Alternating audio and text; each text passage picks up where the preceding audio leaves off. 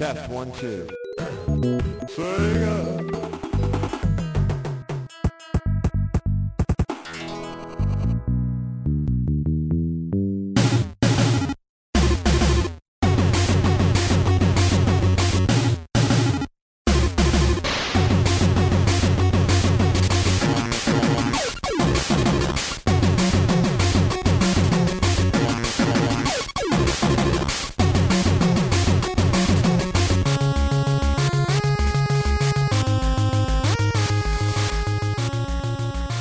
På er och välkomna till Retoresan. Mitt namn är Anders Brunlöv och med mig har jag som alltid, alltid varenda jävla gång, Samson Wiklund. Hej på det! Hej på dig Anders, vilken trevlig introduktion jag får. Ja, jag, jag känner mig väldigt glad och, och trevlig idag faktiskt. Ja, det är bra. Ja. Eh, I veckans avsnitt ska vi prata om spelet Comic Zone till Mega Drive. Vi ska även ta upp lite Final Fantasy-snack än en gång. Och vi ska även spekulera i hur det blir i fortsättning på Retoresan. Men först Samson, så vänder jag mig till dig så får du öppna den här väldigt tunga postsäcken. Ja, eh, vi börjar med en kommentar på vår, vår sajt då, retoresan.se. Där har Lefyrius skrivit som så. Jag tyckte kvaliteten på ljudet var lite dåligt i början. Det är alltså angående förra veckans avsnitt. Ja. Eh, det lät lite burkigt. Ehm, ja. det, Sa Samson med en burkröst. Ja, eh, som ni hör så sitter jag fortfarande i en burk, i- dock i en annan burk. Eh, det är som så att mitt ordinarie headset har gått sönder. Jag skaffade ett nytt headset som vi använde förra veckan. Det funkade ganska dåligt. Jag har lagat mitt gamla headset men precis innan vi skulle spela in nu så lade jag av också. Ja. Eh, så idag så sitter jag tyvärr i burken men eh, så småningom så kommer det här också försvinna då när jag pall- pallar mig iväg och köper ett nytt headset. Kan ni inte skaffa ett sånt här headset som du prackade på mig? Som jag sitter och använder just nu. Det var ju ett sånt jag hade förut men det Okej. har ju gått sönder. Det är det som har gått sönder. Aha, jag förstår. Ja, ska, ska, vi, ska vi nämna på en gång vad folk ska akta sig för då? Har du modellnumret? Eh, nej, jag, jag har ju dem fortfarande på mig som hörlurar så jag hör dig här. Så jag törs inte ta med dem. Vi lägger upp en länk, akta-länk på, på hemsidan. Lefyrius håller också med Orran från veckan innan. Han tycker nämligen också att det är jobbigt att kommentera på så här långa avsnitt. eh, däremot så tycker han inte vi ska göra dem korta utan istället tipsar han om att ha med anteckningsblock eller något bra på datorn, typ ett inspelningsprogram. Ja, det är klockrent Orran. Eh, sen så har han en ganska bra och enkel regel för huruvida GBA är retro eller inte som vi frågade om. Ja. Eh, Lefyrius tycker att det ska ha gått 10 år sedan det släpptes. Spelet alltså? Eller konsolen? Ja, allmänt tror jag det, generellt verkar han tycka att 10 är det som gäller då. GBA kom till Europa 11 juni 2001. Så ja, 11 juni 2011 då. Ja, Eh, Det är också en lördag så det är perfekt för Retoresan, säger han. Björnface skriver på vår hemsida. Hallå igen! Jag har tänkt på en sak ett tag nu och jag hoppas ni kan hjälpa mig. Aldrig i mitt liv har jag varit intresserad av spel i RPG-genren. Jag ser inget lockande i svärd, drakar, magier, riddare och så vidare. Men!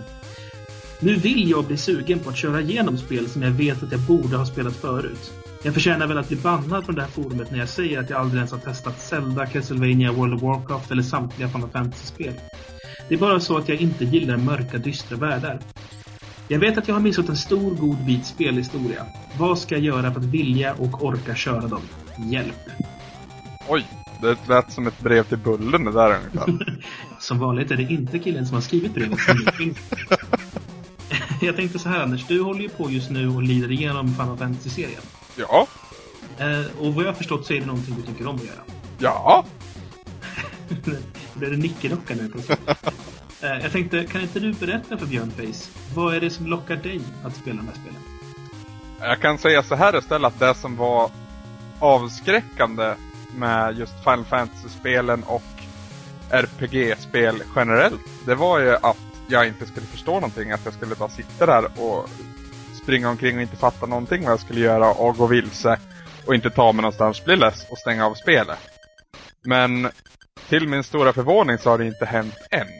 Det man sen blir fascinerad av det är vilken atmosfär de har lyckats bygga i de här spelen. Jag tror ju, eller jag vet att de spelen jag har valt har ju liksom varit riktigt jäkla bra. För att folk har tipsat mig så pass många gånger. Det finns säkert skitspel inom den här genren också. Men just Final Fantasy 4 då, i alla fall, som jag liksom kan ge ett slutfärdigt omdöme.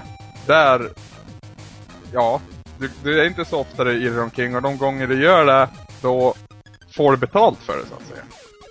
Sen vad som är lockande egentligen, det är att spelglädje är ju någonting väldigt brett om man säger så. Det kan vara att hoppa på Goombas och det kan vara att gå upp på level 60. Det, ja, det är svårt att förklara egentligen. Men eh, jag tycker definitivt, alltså syftet med min retroresa som det var från början och det som Samson också hoppar på senare, det var att fylla i sådana här luckor. Även om man kanske inte är så bekant eller ens har spelat något spel ur, ur genren. Eh, ta en retroresa Björnface och gör dig själv en tjänst för att du kommer skratta lycklig i slutändan. När vi är inne på det här spåret så är det nämligen så att Careface också har skrivit det här lite jobbigt. Björnface och Careface. Eh, Careface i alla fall skriver eh, ungefär i samma stil då. Vad är det som är så kul med Final Fantasy? Eh, Careface säger att han älskar rollspel med härlig story och att bli insatt i spel han spelar som om det vore en filmtrilogi. Men han förstår inte hur man ska bli duktig på ett Final Fantasy-spel eller hur det ska vara svårt. Har jag fått allting om bakfoten? Alltså hur man blir duktig. Jag, jag har svårt att se att man liksom kan tävla i Final Fantasy om, om det är så han menar. Det, det som gör en duktig i Final Fantasy det är att använda rätt grejer, rätt attacker, rätt items och så vidare på rätt ställe och hitta allt och veta allt. Så det handlar egentligen bara om att utforska och lära sig hur saker fungerar. Ja, men sen också här är det mer, alltså om man kollar på en vanlig standardstrid i Final Fantasy, då är det ju inte så jätteallvarligt. Då är det liksom du väljer attack några gånger och skulle ditt liv gå ner väljer du cure eller potion. Mm. Och typ är det ett eldmonster så ska du lägga is. Det är liksom inte så jättekomplicerat. Men om du tar dig... Eh, nu har inte du spelat Final Fantasy 7 här, men i Final Fantasy 7 finns det en extra boss som heter Emerald Weapon. Mhm. För att klara Emerald Weapon så kräver spelet att du kan en massa taktik. Alltså du behöver liksom bygga hela ditt magisystem baserat på att du känner till saker om själva bossen i sig. Eh, det finns till exempel en eh, sammanmateria i sjuan som heter Phoenix som dels lägger eld men dels återuppväcker eventuella döda. Mm. Och när du kommer till den här bossen då har han bland annat en attack som per automatik dödar alla. Oj. Det går liksom inte att överleva den. Så du måste ha tänkt på att det kan inträffa och så har du etablerat att du har en, eh, så att säga, en påverkande magi som säger typ last strike och sånt där. Som innebär alltså att när du dör så hinner du göra ett sista move och det sista movet är att du lägger då Phoenix. På samtliga så att alla väcks till liv igen då. Ja, precis. Så det, det handlar liksom om att bygga dina egna kombos och det är väl det som gör att man kan bli en bra eller en dålig Final Fantasy-spelare. Så du, du, du menar att det ska finnas ett taktiskt tänk också för att vara en, en bra Final Fantasy-spelare? Ja, precis. Alltså, det handlar inte om knapptryckningar som det gör i de flesta andra spel. Utan man är en bra Final Fantasy-spelare. Dels när man känner till sina fiender, men också när man förstår att använda de förmågor man har. Alltså man kan ju, det finns ju spelare som spelar igenom hela spel utan att levla någonting. Alltså de, de tar bara bossarna. De, Mm. Det kallas då för level 0-spelning. Eh, och för att kunna göra det så krävs det att du är en enorm taktiker som trots att du har en sån urusel gubbe kan spöa en boss som har typ 2 miljoner i HP. På vår tråd på Gameplayer har Kid A sagt eh, GBA som retro. Nja, skulle jag säga. Game Boy Color är på gränsen. Okej. Eh, nog om det. Han tycker dock att vi blir bättre och bättre. Anders Final Fantasy-stund är riktigt härlig att lyssna på. Han blev själv också sugen på Final Fantasy så nu sitter Kid A också och spelar om serien så här på vinterns kant. Ja, vad mysigt. Så säger han också att Anders, efter att du är klar med sexan och kanske något annat trevligt RPG till SNES innan du går på sjuan så skulle han rekommendera att du tar en titt på Terranigma. Mhm. Eh, det är faktiskt spel som inte jag heller spelat så det kan vi ju lägga i listan över spel vi borde spela. Oj, vad intressant. Kletet har också skrivit. Inte hunnit kommentera på ett antal avsnitt. Och avsnitten har hunnit bli så pass långa att det är svårt att dra några vidare sammanfattningar. Ja, men jag saknar Kletets kommentarer kan vi flika in med. Ja, verkligen. Det är alltid kul att höra vad du säger, Kletet. Särskilt när han säger såna här fina saker. Det jag har att säga är att Retroresan verkligen har vuxit sig ända sedan avsnitt 1. Skillnaden mellan då och nu är makalös. Ni har verkligen satt er in, åtminstone Anders då, eftersom Samson hade en del erfarenhet från sig. Punkt. Retroresan har blivit en, riktigt ut, en riktig utmanare till de större podcasterna och har sin egen nisch med underbara programledare. De olika inslagen är intressanta och ja, ni gör allting riktigt bra. Fan vad snällt. Ja, det, det här var ju en julklapp som heter duga. ja. ja, tack så jättemycket Kletet. Vi ska fortsätta bli bättre, hoppas jag. Ja, jag ska till exempel köpa en ny mick på det. Ja, och så sen att vi har blivit större, det är ju även i längd då kanske. ja, jävlar vad vi drar iväg. ja, vi, vi, sa alltså i början, när liksom vi bestämde att det här skulle bli en podcast, så sa vi att det skulle bli 20 minuters avsnitt. Det skulle vara, gå fort att lyssna på, det skulle vara snäppigt och, och, och så. Och som ni märker så har ju den planen, ja, den har ju gått åt helvete ordentligt. Ja, men eh, vi, vi försöker hålla det så kort som möjligt. Hela Ja, det är att vi har saker att säga konstant. Det är väl det som är problemet. Precis. Sist av allt har vi fått en recension på iTunes också. Det är en man som kallar sig själv David Bergström som har skrivit som så. Stundtals trevligt, ibland tråkigt. Svårt val här, tre stjärnor eller fyra stjärnor. Det får nog bli fyra i alla fall. Gillar upplägget helt klart. Trevligt att lyssna på innan läggdags. Anders sagostund är den stora belåtenheten helt klart. Men det andra är inte fyskam för den delen heller. Lite småkritik då. För, finns inte så mycket att klaga på här. Kvaliteten blir bättre och bättre. Dock tycker jag att Samson ibland kan vara lite för mycket av en besserwisser. Men det är då och då helt klart. Överlag är resan klart godkänd och rekommenderas. Keep, up, keep on the good work. Ja, eh, min besserwisserighet har kommit ikapp mig alltså. Det har väl varit lite av liksom, det som definierar Samson Wiklund sen jag lärde känna dig i alla fall. jag som tycker att jag har varit så snäll den senaste tiden och verkligen försökt tagga ner på det här. Ja, det har du faktiskt. Ska, det ska du ha en, en klapp på ryggen för. Eh, men det är inte borta på något vis. Ja, förlåt. Jag kan inte förneka vem. Nej, men vadå förlåt? Du ska inte vara så jävla snäll jämt heller. Nej. Det är inget kul. det behöver du nog inte oroa dig för i alla fall. Då så Samson, ska vi gå vidare kanske? Det tycker jag låter som en bra idé.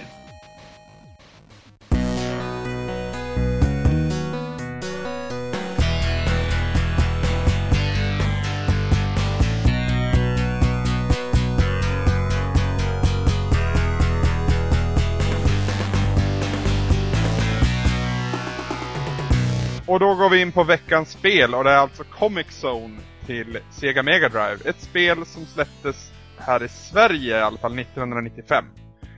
Och 1995 då var det ju även någonting annat som släpptes Samson. Ska du quizza mig nu igen? Jag är så dålig på årtal. Nej då, det, det, jag tänker på då, så att säga, det som har gjort att det här spelet har glömts bort, det är att Sony Playstation släpptes samma år. Ja, ah, jag trodde det var Fifa 95 du var ute. Åh gud vad dålig det är. Ja, jag vet. Uh, nej, men Comic Zone har ju blivit rätt så bortglömt tack vare detta faktum. Det kom verkligen i, i Mega Drives dödsryckningar med 32X och Sega CD och allt vad det heter. Ja, så, så Sega höll ju på att bajsa ner sig själva mm. eh, under den här proven. Eh, tyvärr så, så gör ju det att riktigt, riktigt bra spel faller i glömska. Rise Star kom ju också, ja, inte riktigt här då, men, men här i kring. Mm. Eh, och det är liksom många bra spel här på maskinens liksom, sista dödsryckningar som är fantastiska. Som vi tyvärr glömmer bort och tänker på typ häftiga 3D-spel och hur jävla mystiskt plasttorn man börjar bygga av sin Sega-maskin där hemma. ja, det, jag tror det var Angry Video Game Nerd som sa att Sega Mega Drives, eller ja, Genesis som det heter i USA, det såg, det såg ut som den låg liksom med respirator och allt vad det innebar. Och den hade så mycket slangar och och maskiner som, ja. Ja, gud, alltså den kunde ju bli flera meter hög om man bara satsade tillräckligt hårt på den. ja, men spelarna vart tyvärr inte bättre, eller inte mycket bättre i alla fall. Nåja, Comic Zone är ett, jag skulle säga att det är ett beat'em up. Ett sidskrollande beat'em up med lite få pusselbitar här och där. Ja, precis. Och det som gör hela spelet unikt är att det berättas och presenteras genom ett ja, serietidningsperspektiv så att säga. Varje bana är väl ett uppslag i en serietidning helt enkelt. Mm. Spelet består av tre episoder och varje episod består av två banor. Är jag rätt ute då? Ja, alltså eh, det är väl tre... varje bana är en sida. Eh, varje uppslag blir liksom en hel nivå och det finns tre uppslag allt som allt. Precis. Då, ja, jo, då säger vi samma sak fast med olika ord. Då är jag med. ja, och i spelet så spelar man alltså serietecknaren och även rockstjärnan Sketch Turner. Som en kväll sitter och ritar på sin serietidning eller sin grafiska novell då, om man vill använda vuxna ord. Serietidning för helvete. Hur som helst så, så slår det en blixt ner i hans, i hans hus och ja, av någon konstig anledning så sugs han in i sin egen berättelse. I samma veva då som han eh, som sketch dras in då i den här serietidningsvärlden så kommer också en väldigt kraftfull mutant ut ur serietidningsvärlden. Eh, mutanten heter då Mortus och är ju då fienden i Sketchs serie så att säga. Eh, Mortus syft, eller ämnar då att fria sig själv genom att då förstöra Sketch i serietidningen. Eh, eftersom han inte kan förstöra någonting i verkligheten än så länge. Och, utan ja, han kan bara jobba i serien för han är fortfarande serietidningsfigur. Men i och med att han ska döda Sketch ska han då få en mänsklig kropp att kunna leva i den verkliga världen. Just det. Det, det, det Mortius gör då, för att försöka få koll på, på Sketch, det är att han ritar upp fiender på varje, ja, i varje ruta egentligen, i, i, på varje blad i den här serietidningen. Som då Sketch måste spöa på helt enkelt. Men i den här serietidningsvärlden har Sketch också en vän i General Alyssa Cyan. Eller Cyan, jag vet inte hur man ska uttala det. Vart kom hon ifrån egentligen? Jag fattar aldrig det där egentligen. Jag tror att hon är, finns i serietidningsvärlden. Bara. Okej. Okay. En, en uh, good guy i serietidningsvärlden då? Jag tror det. För det, det, det, jag har tänkt på liksom, om man ska se ur sketchperspektiv, det är att om, om han är good guy vem är det då som han har ritat som ska vara good guy? Eller är det bara en serietidning som handlar om bad guys? Jag tror att han tar platsen av the good guy. Okej. Okay. Han ser ja. Ja, det måste ju vara någon, annars är det rätt så tråkig story alltså. Ja, den här Elissa tror ju att han är en superhjälte i och för sig. Mm. Så det kan ju vara att det ska finnas, han kanske inte har bestämt vem som ska vara superhjälten än. Är den här tidningen inte klar heller så? Nej, precis. Ja, just det. Ja, Samson, eh, det är väl lite om hur spelet går till och eh, ja, hur tycker du att det ser ut då? Det är ju fantastiskt snyggt tycker jag. Grafiken ska ju tydligen också vara ritad av eh, serietecknare. Mm. Så att det, det är ju ja, riktiga tecknare och inte bara typ tv-spelstöntar. Så att säga. som har skapat designen och layouten på allting. Och det är, det är ett skitkul koncept det här med, med att man rör sig i serietidningsrutor. Du ser ju liksom kanter mellan rutorna och kan hoppa mellan dem liksom när du byter till nästa område så att säga. ja, sen har du ju även din, din råtta med det. Mm, just ja. Och, och vad heter den då? Den heter Roadkill, så är det ja. Och... Jävligt, jävligt bra namn på en råtta. Uh, det den råttan kan göra är att den kan söka efter hemligheter eller dolda föremål så att säga. Och det, det den gör då är att den river av en sida och finns det föremålet bakom själva sidan. Så det är en, ännu en snygg touch. Den kan ju också då hjälpa dig att om till exempel finns någonting som är hemskt farligt men det finns ett litet utrymme och knapp för att stänga av det här farliga bakom. Mm. Då kan ju du släppa ut Roadkill så smyger den under och trycker på den där switchen åt dig. Ja, det är oftast Roadkill som är, som är inblandad när de här pusselelementen uppstår. Musikmässigt då Samson, vad, vad, vad tycker du där? Ja, jag tycker att det är förvånansvärt kompetent ljudbild för att vara Mega Drive. ja. alltså det är liksom, det är riktig musik som har det här känns ju som en helt absurd sak att berömma men det finns liksom en basgång, en melodi, en rytmsektion och så vidare. Det är liksom, det är mycket tjockare och mer livfullt ljud än vad man är van vid. Ja. Eh, jag tycker dock att musiken är lite hissmusik för hårdrockare. för det, det, är ju någon slags lite rockigare sound de är ute efter. Mycket sånt här chugga chugga chugga aktigt fast det är midi liksom. Ja, det känns som att man har anställt någon kompis lillebrors hårdrocksband för att skriva musiken. Oh ja. The Bomb Murderers. Eller ja, men precis. Demon Hunters kanske. Ja jag vet. Nej, alltså rent prestandamässigt om man lyssnar på musiken så låter det ju bra för att vara Mega Drive. Annars rätt så mediokert enligt mitt tycke. Uh, fortfarande inte bäst för Mega Drive. Där tycker jag faktiskt Rise Star ligger väldigt, väldigt högt upp. Om inte på till och med första plats. Sonic också jävligt skön musik. Ja, det är sant. Men just det är snarare en fråga om vad jag gillar för typ av musik som spelar in. Jag gillar Rise Stars musik bättre. Men skitsamma. Comic Zone har jättebra musik för att vara Mega Drive. Och det är väl också ett resultat av att spelet är så pass sent in på ja, Mega Drives levnadstid så att säga. Mm. Man har liksom lärt sig till slut hur, hur man ska få någonting som kan liknas musik ur maskinen. Ja, då kommer vi till hur det är att kontrollera spelare Samson. Och det, ja, hur spelar du det först och främst? Spelar du det på Mega Drive? Jag spelar på Mega Drive och eh, jag var dessutom tvungen att använda en vanlig treknappskontroll, vilket var ett problem. Aj, aj, aj, ja, jag, jag vet ju inte av egen erfarenhet så att säga, men jag har ju läst våra kommentarer bland annat. Jag satt ju tyvärr med den här skitkontrollen. Um, du har ju alltså i princip en knapp som är typ guard och slå-knapp. Mm. Du har en hoppknapp och sen så har du en tredje knapp då som är för att byta extra tillbehör. För du kan ju då ha tillbehör, till exempel Rotten Roadkill eller extra liv eller en kniv du kan kasta och så vidare. Mm.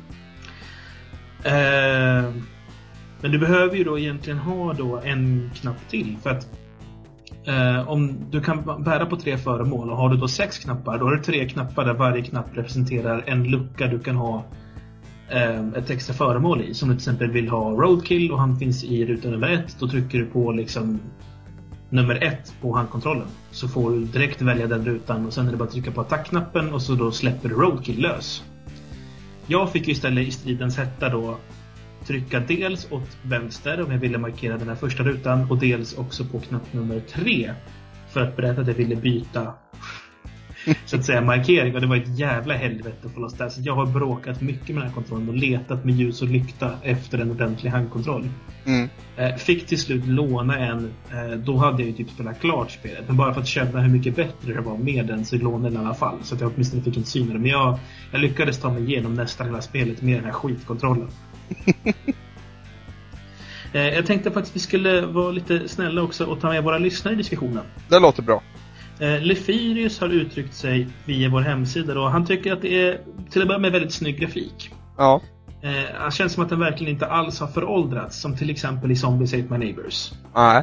Sen så gillar han verkligen serietidningslooken.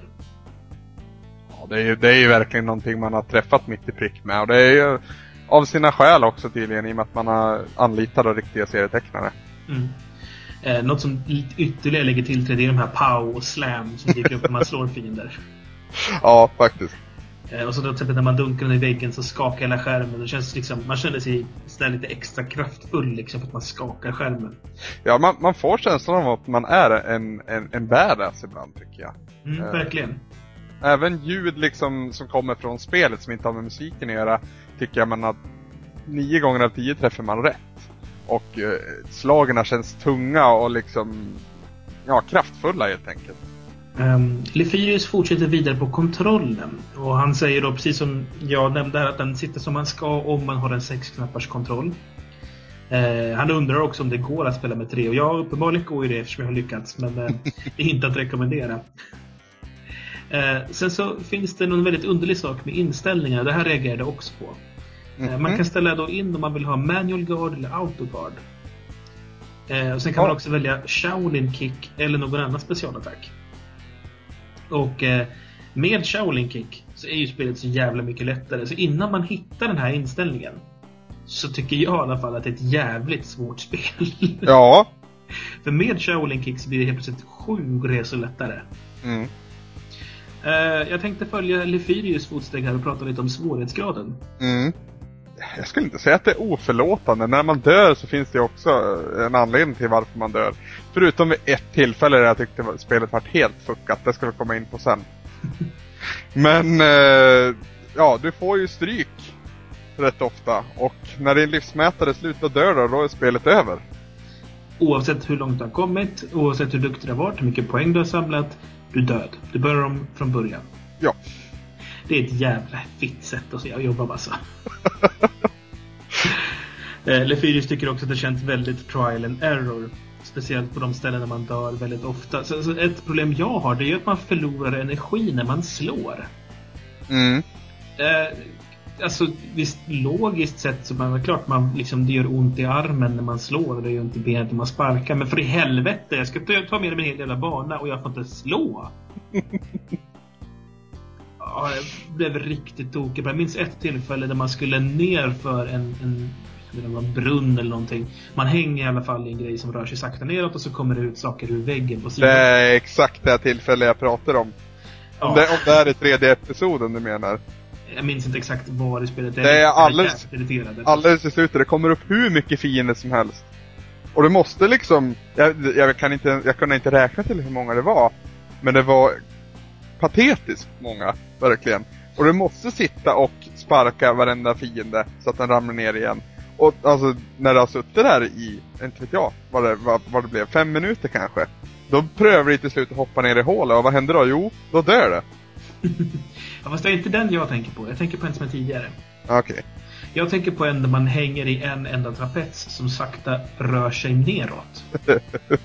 Och så kommer det ut en fiende det är liksom som en, men tänk dig en brunn, en sån här klassisk brunn med vatten längst ner. Mm. Du, du åker, hissas sakta ner i en sån här och så dyker det upp monster ur brunnsväggarna vid sidan om dig. Ja, Jag tror det. är tre totalt, höger, vänster, höger. Mm. Och du, liksom, du får ju sparka ihjäl dem och så sparkar du nästa och så sparkar du den tredje. Sen längst ner i botten är det någon jävla björnfälla. Du vet sån här med taggar som slår ihop. och grejen är att du har ju förlorat så mycket liv av sparkarna du har gjort. För du förlorar ju liv av sparkarna. Så när du väl kommer ner till björnfällan, då är du ju körd. Och det enda sättet att ta den här björnfällan, om man ska liksom lyckas med det här, det är att man kastar ner eh, lite explosionsgrejer som gör att den sprängs. Mm, det var så jag tog mig vidare. Ja, och grejen är att innan jag, när jag väl liksom hade listat att okej, det enda sättet att klara det här det är att spränga den här jävla björnfällan. Så tog jag mig dit igen. Från början av spelet. Den här gången med då dynamit. Så jag skulle kunna klara det. Och tror du inte jag kastade den lite för sent? Jag har aldrig velat haft ett save state system så mycket som i det här spelet. Jag höll på att bli tokig. Så jävla frustrerande så det finns inte. Ja.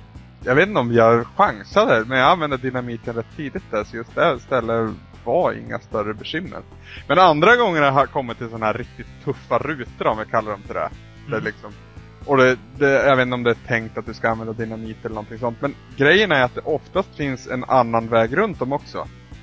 Det finns många gånger hemliga vägar så att säga. Om, om du till exempel spränger en tunna så kan det så får du helt plötsligt två alternativ att gå antingen till höger eller ner till nästa ruta. Så då kan du på det sättet undvika många av de här ja, riktigt svåra rutorna. Jo, det finns ju en hel del såna genvägsrutter. och Jag har väl hittat några stycken, men det är ingenting jag har liksom jagat efter. Nej, inte jag heller utan jag har liksom mest Ja, man dör ju som sagt och så börjar man om.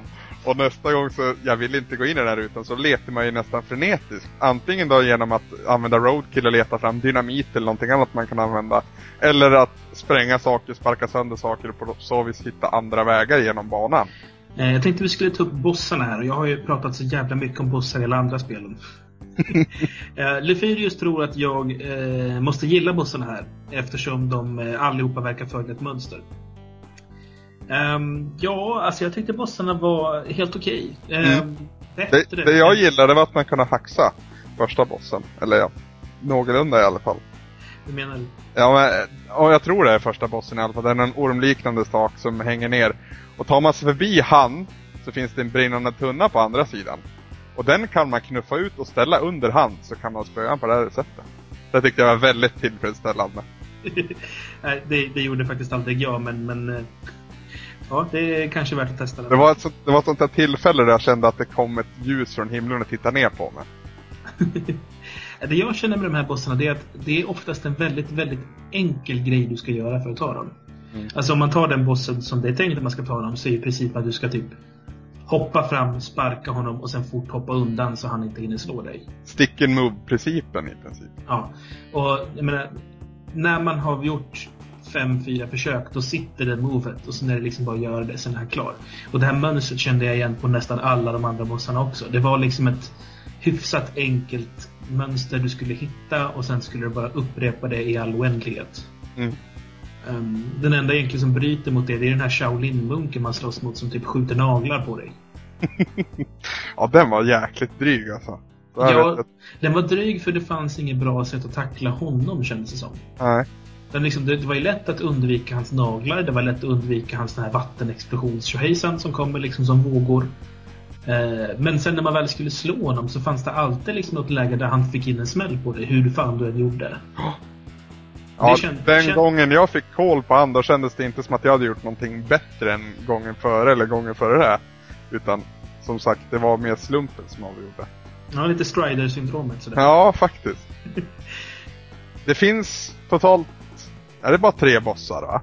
Eller är det fyra med slutbossen? Mm, Ja, alltså det beror på om man räknar som boss, men säg att det är fyra då. Ja, okej. Eh, och det innebär ju också att spelet är, ja, förvånansvärt pinsamt kort skulle jag väl uttrycka det. Ja, jag skickade ett sms till dig under veckan här. om du minns. Ja, just det. Där jag skrev ja, då var det slut då. Eller något åt det hållet. Ja, det, det var ju en sån där, jaha, var det inte mer liksom?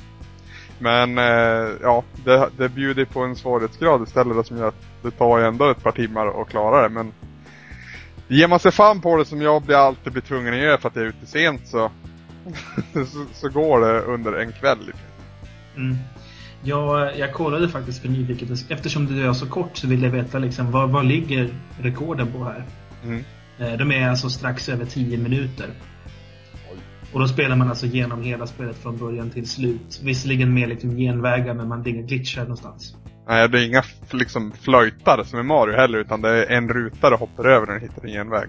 Ja, precis. Det är sådana saker då. Men eh, ja, som sagt, 10 minuter för en riktigt skillad spelare. Jag säger alltså, ge mig en vecka att träna så tar jag hela spelet på en halvtimme. Det låter nästan som en utmaning det där Samson. Jag orkar inte ta någon utmaning nu. Jag bara säger att det är fullt möjligt att göra det. Eh, Så att längdmässigt är det inte så mycket att tala om egentligen. Alltså det känns ju som att man har försökt artificiellt förlänga livet på spelet genom att göra så att man inte har något extra liv. Ja, just det. Eh, För säg att jag hade haft tre liv eller någonting. Då hade ju inte det här spelet varit ett problem alls. Utan i och med att man vet att dör jag, då är det kört. Det, det är liksom det som, som gör att det här spelet känns som att det är ett helt fullvärdigt spel. Att det är så jävla, liksom, allting hänger på som skör tråd. För det krävs så lite för att du ska sjabbla bort och dö. Ja, det, jag tycker det är för kort trots svårighetsgraden. Jag har svårt att liksom... Ah, svårt att gilla så här korta spel. Det är någonting som kryper i mig då. Ja, det känns, eh, det känns inte som att det... Det känns inte färdigt, tycker jag. Nej, om, om det här hade varit nytt, om det hade varit 1995 nu istället jag hade betalat fullt pris på det här spelet, hade jag blivit riktigt förbannad. Och gått tillbaka till butiken och liksom krävt pengarna tillbaka nästan. Det är ju någonting som saknas helt klart. Om, om det var någonting under utvecklingen som gjorde att man var tvungen att liksom avbryta, för det känns väldigt sammanfattat när allting kommer kring. Eller som att det är en episod av liksom någonting som ska fortsätta sen. Ja, det finns ju lite kul kuriosa med spelet i alla fall. Om du upprepade gånger trycker neråt på eh, ja, kontrollkorset, så att säga, så eh, kommer Sketch så, så, så småningom att fisa lite. Jag har ingen riktig anledning till varför det här ska hända, för det verkar inte som att det gör någon skillnad överhuvudtaget. Det är bara en liten kul, fånig grej. Och eh, lämnar du även handkontrollen, eh, så att säga, att du inte rör någonting, att den är idle, så tar han upp sin sko och luktar i den och så säger han Åh, man! Ja, det är ingenting jag märkte av. Däremot stötte jag på en annan sak istället. En Mhm. lite sexistisk sak om man så, om man så vill. Uh, du vet att en bit in i spelet så stöter man på såna här amazonkvinnor som fiender. Mm. Om du använder roadkill på dem, då sticker de. För att de är rädda för råttor. Just ja, de är rädda för råttan ja. det hade jag glömt bort. Det är också så här, what? Men ja, det, ja, jag vet inte om man ska skratta eller gråta åt det, men det är ett faktum i alla fall. Ja, Anders, då var det väl pizzadags kanske? Ja, det, vi är väl där nu tror jag. Ja. Eh, jag hade lite svårt att försöka bestämma vad det här var för pizza. Ja. Eh, det känns som att det här är en sån där pizza eh, som är... Det är ju en barnpizza till att börja med, uppenbarligen, eftersom det är så kort det här spelet. Ja. Eh, men det här är liksom en sån här barnpizza som känns väldigt... jag vet inte hur man ska besk- beskriva det. Har du ätit en vegeta- vegetarianpizza någon gång? Nej. Jag har aldrig förstått tanken bakom dem, förutom att man är vegetarian och inte äter kött. Men Ja, okej. Men det finns... Det, det kan vara gott ibland också med bara liksom lite så här färska grönsaker på. Hur som helst, om du går till en lite finare restaurang och köper en sån här pizza för 80 spänn. ja. Och så be- beställer du den med lite typ så här paprika och oliver och kronärtskocka och fetaost och...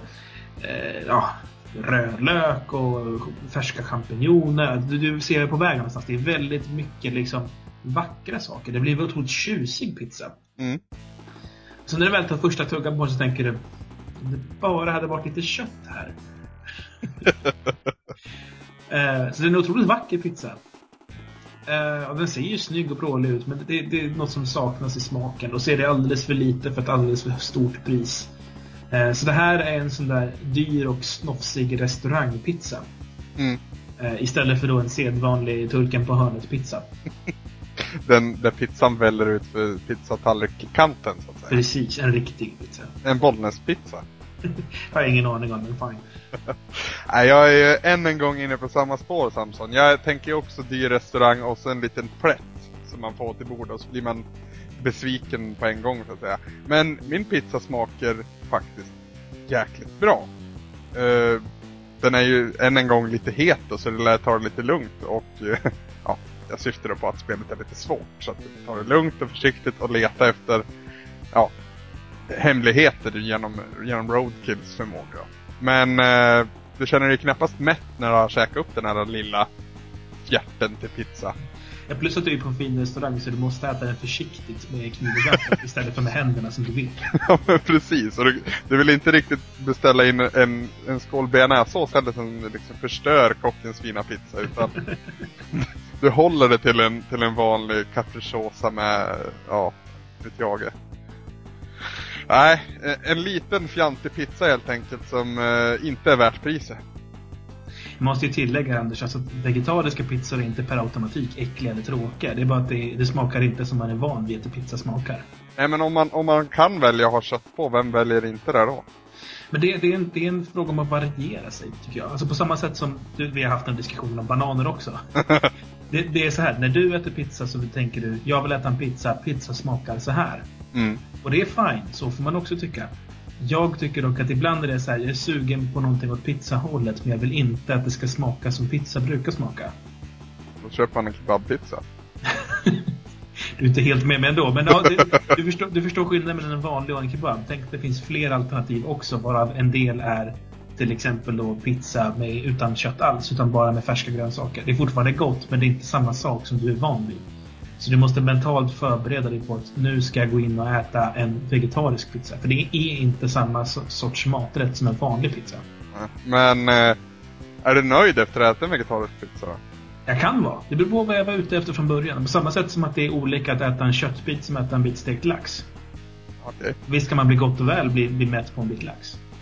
Men så då till min poäng, att om vi hade vetat att, den här, att det här spelet var så här pass kort, tror att vi hade kommenterat det annorlunda då? Kanske. Jag tror också att spelmakarna nog inte hade tänkt göra det så här kort. Nej, de, det är lite känslan jag får också, att det, ja, det har det... hafsats ihop på slutet där. Ja, de ville göra en lyxig, stor, vrålig pizza, men det slutade med att de bara, äh fan, det fick bli vegetarianer. Liksom. Ja, de fick slut på pengar och ingredienser, så det vart inget kött den här gången. Nej, vi, vi, vi slapp i och för sig rått kött i pizzan, tack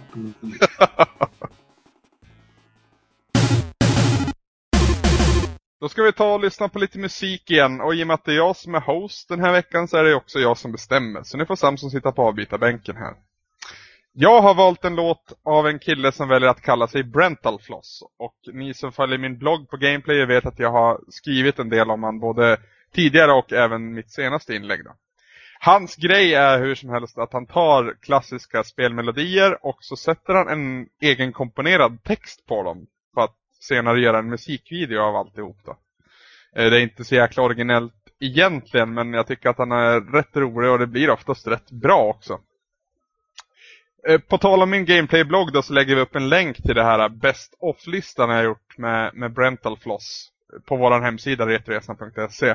Låten vi ska lyssna på nu det är Tetris-melodin som han har satt en text på. Den kommer här. Two, three, four! Shapes made of four colored blocks like a T or a box come down like falling bricks. You can place them in rows, but everybody knows that they made this game for chicks. Hey! Mom just loves to flip and stack. Flip and stack. Grandma says this shit is like deserve. There is no learning curve, which makes it great for noobs. It will fill fill you with glee, especially if you have a vag and boob. Hey! Your mom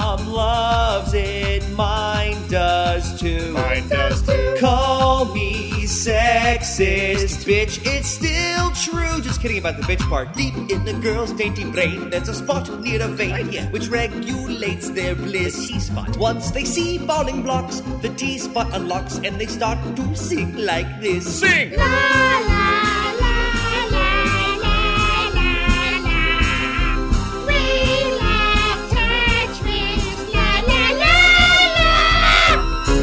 is a trick I have learned to avoid getting burned when you piss off your chick. I'm so mad. If you sing this on key immediately, she'll forget that you're a dick. Try it. La la la I'm still la mad. la la la. Is that the Tetris song? La la la I love Tetris. La la la. I'm happy now. Tetris helps when chicks want to neuter us. Snip, snip. If you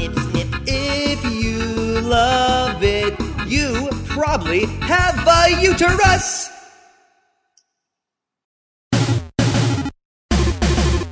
Då ska vi ta och fortsätta min Final Fantasy-stund då.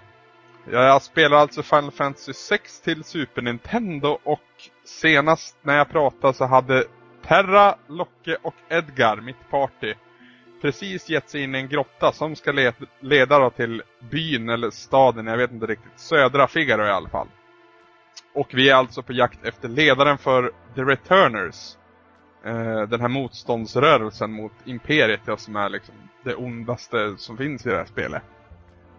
Och ja, vi tar oss igenom grottan utan några större problem och kommer till slut ut på andra sidan och, sö- och vidare till södra Figaro. Och när jag kommer till den här byn så, så slår det mig hur pass mycket större den här byarna är, eller ja, städerna. Vad vad- vad är det egentligen? Är det byar eller städer Samson? Eh, jag skulle ändå kalla det för typ städer. Ja.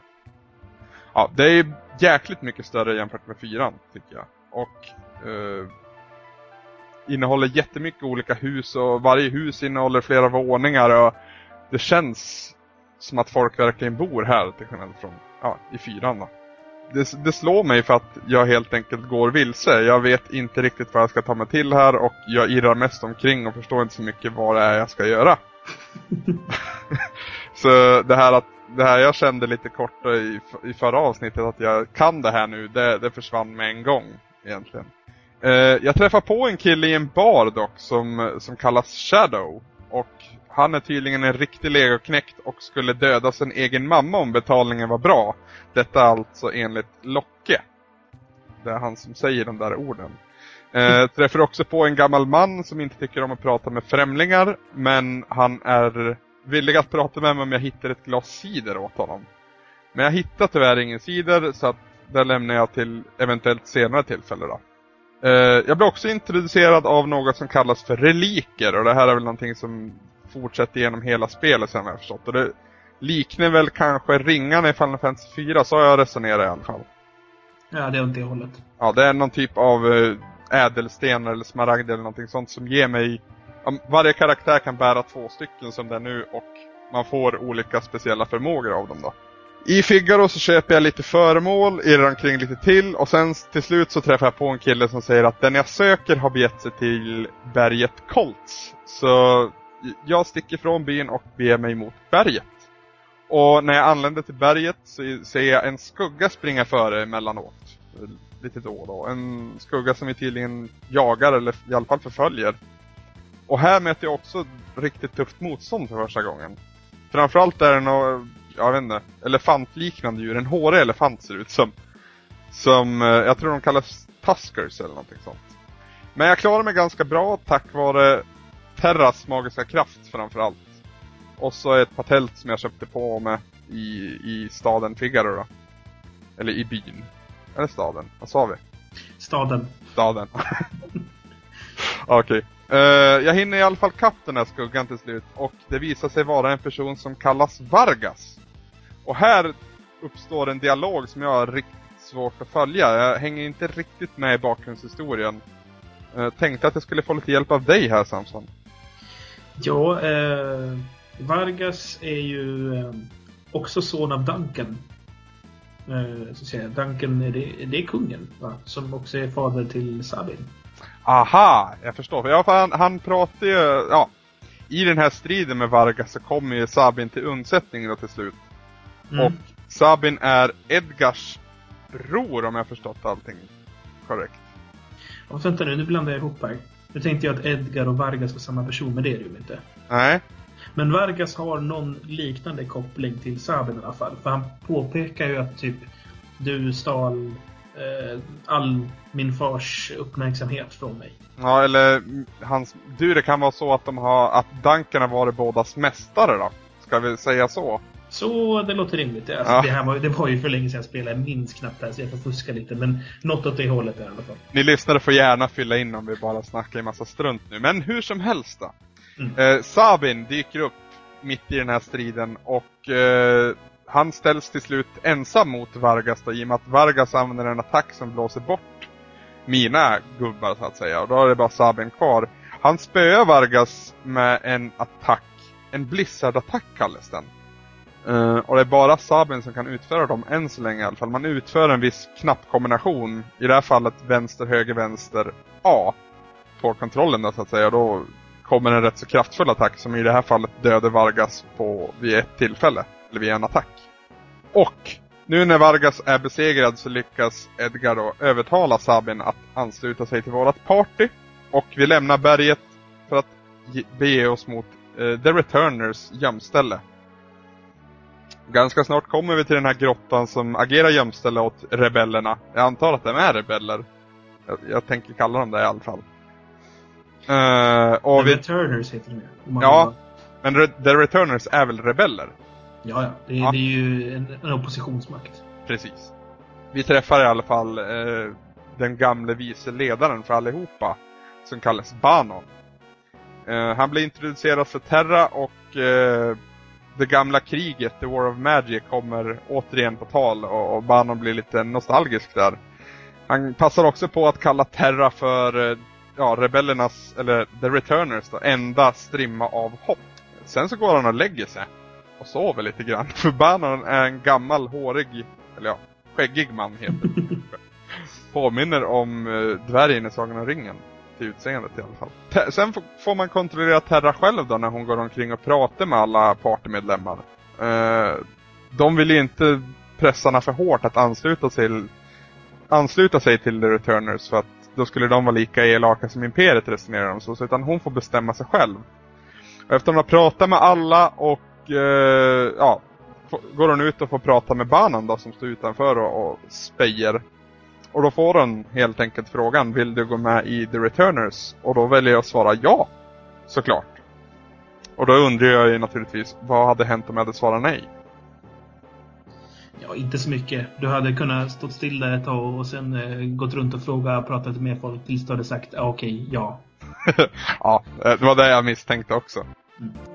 Ja, nu när Terra är med i rebellgruppen samlas alla kring ett stort bord och vi smider planer på hur vi ska kunna störta det här imperiet. Någon, kom, kommer inte ihåg vem, föreslår att Terra ska få träffa den här vespen eh, som var med i början av spelet i staden Narsh. Stad eller by som, ja där hela spelet inleddes i alla fall.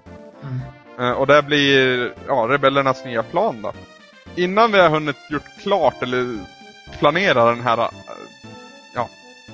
taktiken då så blir gömstället upptäckt av Imperiet och eh, vi tvingas fly ut bakvägen. Eh, imperiet, har- Imperiet har tydligen attackerat södra Figaro, den här staden jag var i innan. Eh, så Locke, han, han som är lite slug och smyger i skuggorna, han bestämmer sig för att undersöka saker närmare och lämna vårat party. Och istället då så får vi Bannon, den här gamla vise mannen. Han ansluter sig till partyt eftersom han också jättegärna vill träffa den här Espern fråga. En frusna Espen.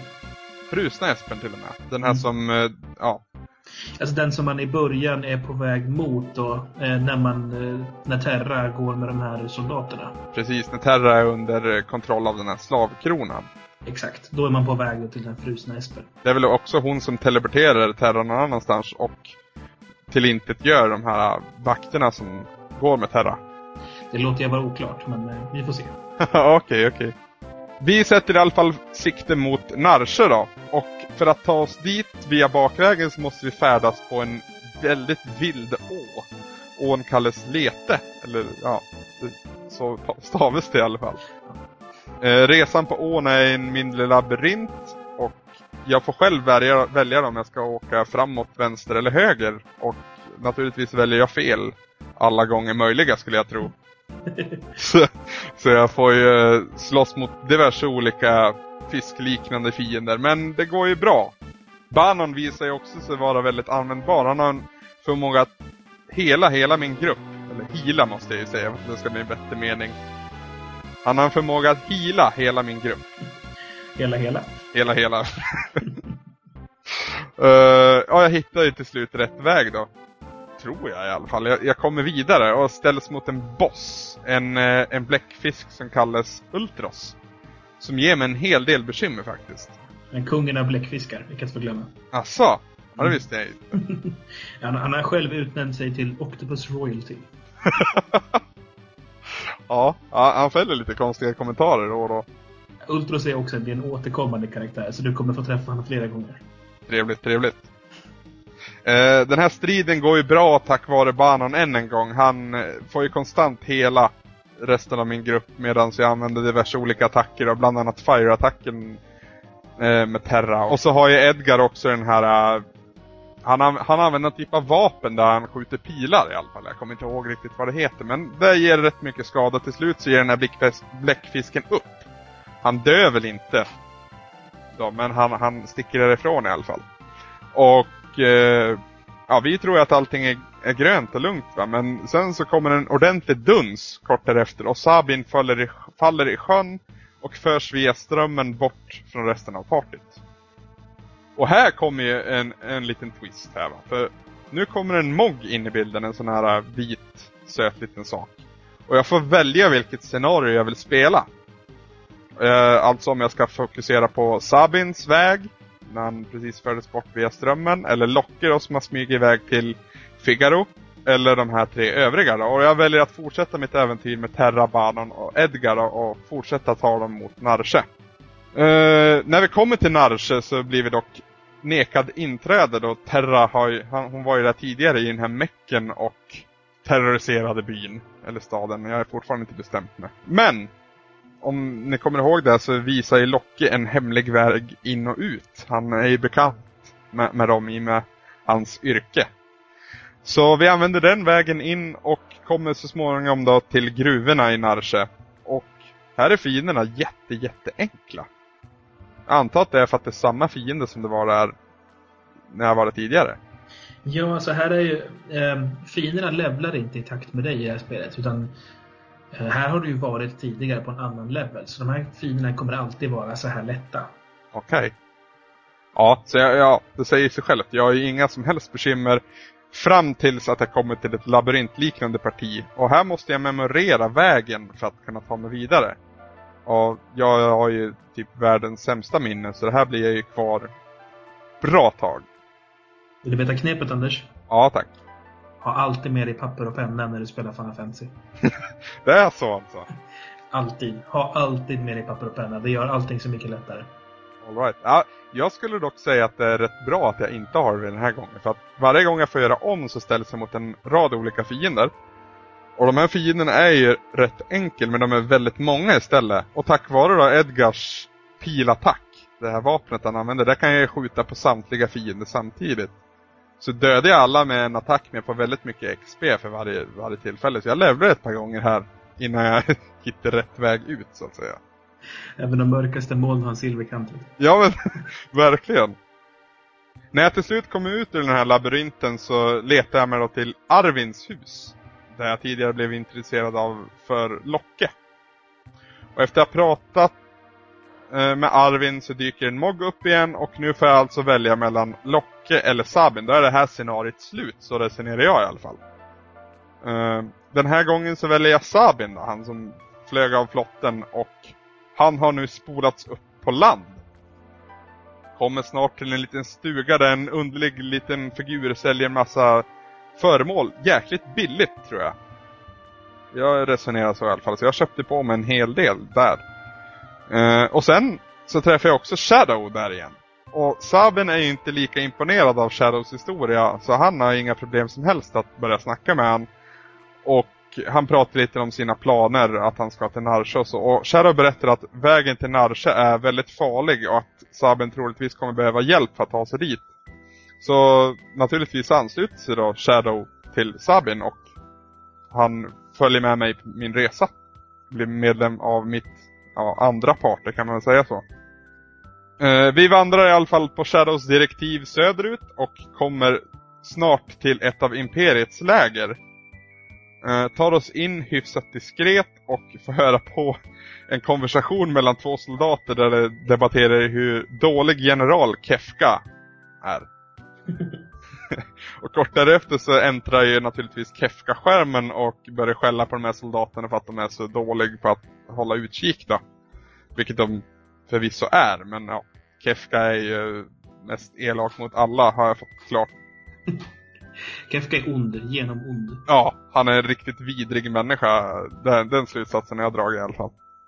Strax därefter så beordras de här soldaterna att attackera ett slott då, som kallas Doma. Eller Doma, jag vet inte riktigt. Doma brukar jag alltid säga i alla fall. Ja, då säger vi så. Doma.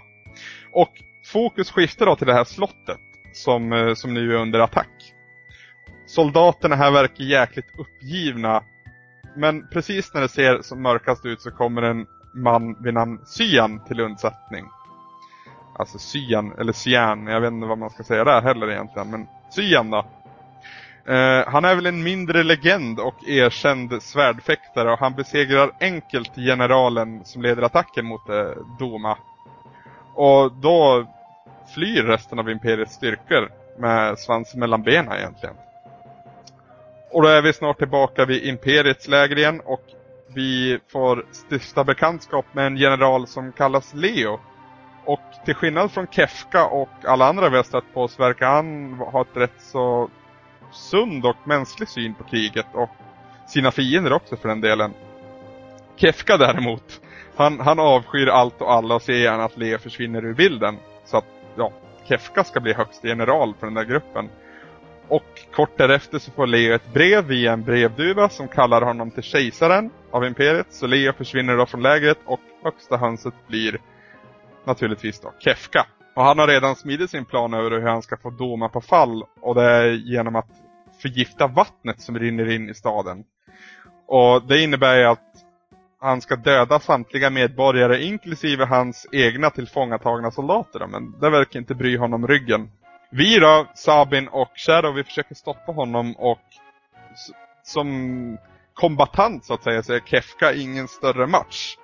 Han, han flyr efter bara en, en träff egentligen och vi jagar honom genom lägret och får slåss mot honom ännu en gång och även denna gång så flyr han efter en träff. Eh, sen så skickar han ett par soldater på som ger lite mer motstånd men Shadow har köpt på sig lite, eller jag köpte ju på åt Shadow då såna här shirukins eller vad det heter. Kaststjärnor har jag väl översatt det till själv. Så det är inga större bekymmer här förutom då att vi inte hinner hindra Kefka från att förgifta vattnet. Och väl inne i slottet Doma ser vi snart hur soldat för soldat faller död och Syan inser snart vad som försiggår. Han själv verkar dock inte vara smittad. Jag vet inte om han är liksom för awesome för att dö av det där giftet eller om han bara inte har druckit vatten den senaste tiden. Han skyndar sig iväg till kungen som hinner säga, hinner, han ja, hinner väl väsa några ord innan han tar sitt sista andetag. Och sen så skyndar sig igen vidare till sin, sin egen kammare. Där ligger hans fru och hans barn. Men han är för sent ute, båda är snart döda och Cyan blir av naturliga skäl rent av ursinnig. I ren frustration springer han ut från slottet och i riktning mot Kefka då. Och så är vi tillbaka vid lägret. Eh, där stöter Cyan på motstånd i form av Imperiets soldater. En, tre olika grupper tror jag det var. Eh, och vi då, Sabin och Shadow, vi hjälper honom så gott det går. Och när soldaterna är besegrade pratar vi ihop oss lite snabbt och vi inser att vi måste fly från det här lägret innan fler imperietrupper anländer. Via några mex som står väldigt lägligt placerade så tar vi oss ifrån lägret och sätter kurs mot Phantom Forest istället. I Phantom Forest så finns det ju spöken exakt överallt. Dock är det inte några som bjuder på något vidare motstånd. Jag vet inte om det är för att jag ligger högt i level eller om det bara är tänkt att det ska vara så. Hur som helst så är dock lite problem med att hitta rätt istället. för en gångs skull. Eh, men till slut så kommer jag till ett tåg som Sabin självklart, självklart måste undersöka. Och precis när vi har stigit ombord så börjar det här tåget tuffa iväg. Och det visade sig snart att det här tåget är alltså det tåg som fraktar döda själar till andra sidan. Det dödas rike eller vad man ska säga. Med denna insikt förstår vi också att vi måste få stopp på tåget eller i alla fall komma av det. Eh, stöter på en hel del olika spöken med varierad svårighetsgrad. Ingen som ger någon vidare bekymmer än så länge. Däremot så är det ett av spökena som vill ansluta sig till mitt party och dum, eller ja, inte dum som jag är, det visar sig vara ett lyckodrag men jag är lite av en gambler så jag låter det här spöket gå med då. Så en filur med bara massa frågetecken som, som namn går med, går med i min grupp. Längst bak i det här tåget hittar vi en man som kallas Impresaro. Som förklarar lite om tåget och att det är det här tåget som ska frakta döda själar till andra sidan. Han förklarar hur det fungerar och så. Och det blir klart för oss att vi måste ta oss längst fram i ledet vagnar. Självklart. Eh, så vi börjar beta av vagn efter vagn. Spöken finns det många och överallt. Och framförallt så älskar de ju att vara i vägen. Eh, väldigt smala korridorer och de där spökena har en förmåga att stå precis i vägen så att jag inte tar mig någonstans. Men men, efter ett tag så hamnar vi i ett bakhåll och efter en kortare strid med några spöken så dyker det upp tusentals nya. Men vi lyckas fly från den här vagnen då det här inträffar via Sabins hoppförmåga där han snyggt och smidigt hoppar mellan två vagnar. Och sen eh, lossar på den bakomliggande vagnen så att de där spökena blir kvar bakom vårat skenat, skenande tåg då. Strax därefter blir vi bjudna på mat i en restaurang. det tyckte jag också var jäkligt skönt. Uh, vi, vi, kommer in i restaurangvagnen på det här tåget och jag pratar med servitören som säger åt mig att jag ska sätta mig vid bordet. Och det gör jag det och så dukar den upp mat och så får jag äta maten och all min hälsa återställs.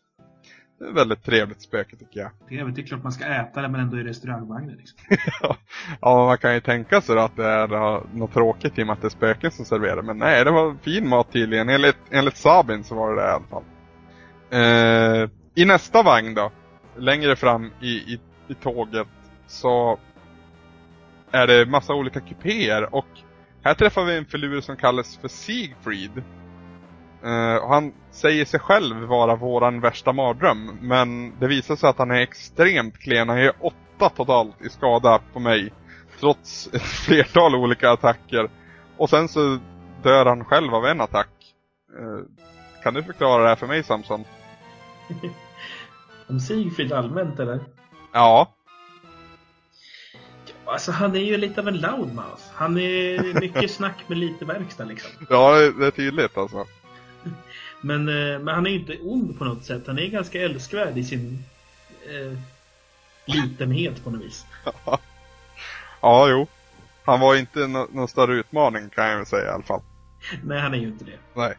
I en annan kupé lite längre fram i samma vagn så är det massa lådor som innehåller massa godsaker för mig och mitt party. En av lådorna innehåller dock massa monster. Och här dyker ett monster upp som kallas Spekter. Uh, eh, och här kommer ju min, min nyvunna spökkompis till användning. Han har en attack som kallas Possess och det är en ja, han, man använder Possess på Spectre helt enkelt så, så dör han vid, vid, en attack. Vi får en relik som belöning men jag kommer inte ihåg riktigt vad den heter nu. Och efter det så når vi alltså loket som för hela tåget framåt och vi får, vi får faktiskt slåss mot det också. Efter att ha dragit lite spakar och så, så, så blir själva loket en, en, en boss. Uh, Motorn om man säger så. Då. Ja, precis. Uh, här dör jag. Lyckligtvis har det varit en, en, en sparpunkt, eller en savepunkt säger jag i det, det är det jag pratar med än en gång. Uh, jag dör, men jag får, jag får börja om alldeles innan igen. Och då använder jag ett litet knep som, som jag lärde mig i Final Fantasy 4. Uh, eh, och jag ger mig min fiende det här loket, jag ger den en Phoenix Down. Och de här, normalt sett så återupplivar ju de här en, en fallen partymedlem så att säga. Men i och med att det här tåget är ett spöktåg och därav en undead som det kallas. Så, så dödade det istället det här tåget. Och jag blir jättestolt över mig själv för att jag har lärt mig så pass mycket. Och så duktig Anders. Ja. jag, jag, jag, jag, kanske låter elak när jag säger det, men jag blir riktigt stolt när jag, när jag hör det här. jag tänkte att det här, ska, det här är Samson stolt. Tänkte. Oh. Det, det tänkte du alldeles rätt i ja, eh, det dör ju inte egentligen det här tåget, men det går med på att släppa av oss då vid, vid närmaste tillfälle. Och kort därefter så stannar vi på en station. Lite osäker på vart vi befinner oss, men det blir snart uppenbart då Syan får, plötsligt får syn på sin, på sin fru och sitt barn igen.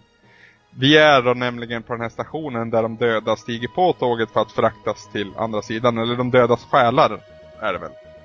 Syan springer efter sin fru och sitt barn men hinner inte hindra dem från att gå ombord och tåget åker iväg medan Syan springer efter tåget med ja, gråten i halsen egentligen. Och en väldigt tung scen att se på faktiskt. Och det är där jag har valt att sluta för den här veckan. Just den där sista scenen tyckte jag var bland det starkaste jag upplevt hittills i Final Fantasy-väg. Någonstans på samma division som, som Terras fall i Final Fantasy 4. Eller Tellas fall, ursäkta. Det överlever du, ska du säga. Jo, men det är en ganska tung bit. Det är Ja. det. Sian liksom står som ensam överlevare från sitt kungadöme och ja, får se sin fru och sitt barn. Just att det är barnet tycker jag är så hemskt. Ja, Det är just det, är det som är grejen med de här rollspelen. De är alltså... Du får inte sån här story i traditionella rollspel. Det, det är väl, alltså vi pratade tidigare om, om så här, varför ska man spela Final Fantasy. Mm. Ehm, idag kanske det inte är lika viktigt, men på den här tiden så var det ju absurt att det skulle finnas tv-spel som hade en story som innehöll till exempel barn som dör. Alltså karaktärer som känner saknad, som gråter, som, som eh, har sorg och så vidare. Alltså det, det är de här liksom tunga manusen och framförallt liksom djupa manusen. Mm. Det fanns ju bara i sådana här spel. Det är därför man har den här kärleken till de här spelen. Det är så otroligt fina berättelser. Ja, det är det faktiskt. Ja, om jag frågar dig nu då Samson, du som, du som är erfaren Final Fantasy. Nej men just sexan, hur, hur långt skulle du säga att jag har kommit? Eh, inte så jättefarligt långt. Alltså, du har väl kanske tagit dig... Alltså man får ändå säga att det är väl en fjärdedel kanske. Är det så pass alltså? För det, det, just för att det är ju jävla snyggt hur de delar upp storyn alltså. För nu vet ju jag fortfarande inte vad, vart Locke är eller hur det har gått för han. Jag vet vad, vart han är så att säga, men jag vet inte hur det har gått för han. Och i Final Fantasy 4 då, då fick man ju bara höra i efterhand. För då följdes ändå, då följde storyn hela tiden eh, Cecil ändå. Mm. Men här så skiftar det ju fokus ibland. Väldigt Ja, alltså, fyran handlar ju mycket mer om liksom Cecils resa, eller Cecil som jag säger. Mm. Medan sexan är mycket mer en ensemble-historia tycker jag. Mm. Ja, det är svårt att avgöra vem som har huvudrollen. Jag har väl utnämnt Terra som den som står i centrum. Jag vet ju även dessutom att det här, ja, main, eller huvudtemat säger vi då, eh, heter ju Terra. I alla fall den. Alltså, Ter- Terra är väl den som är viktigast i storyn. Sen är det väl Locke som är tänkt att vara den som är främst gameplay-spelare. Liksom. Ja, den, den, den, den som slåss mest, så att Ja. säga. Den, Ja. den som har position 1 i fightingen. Precis. Står i främsta ledet. Mer, ju mer jag spelar desto mer imponerad blir jag. Nu har jag, jag, som du säger så har jag inte kommit så jäkla långt än och det är för att jag inte haft Jag har haft tillfälle att spela men inte så mycket som jag har velat. I och för sig så hade det nog inte spelat någon roll hur mycket fritid jag än hade haft för att jag vill bara fortsätta spela mer och mer och mer. Det här tillfället på tåget till exempel, det, det var för bara några timmar sedan innan vi, innan vi skulle börja spela in. Så att, ja, det är svårt att släppa det här spelet.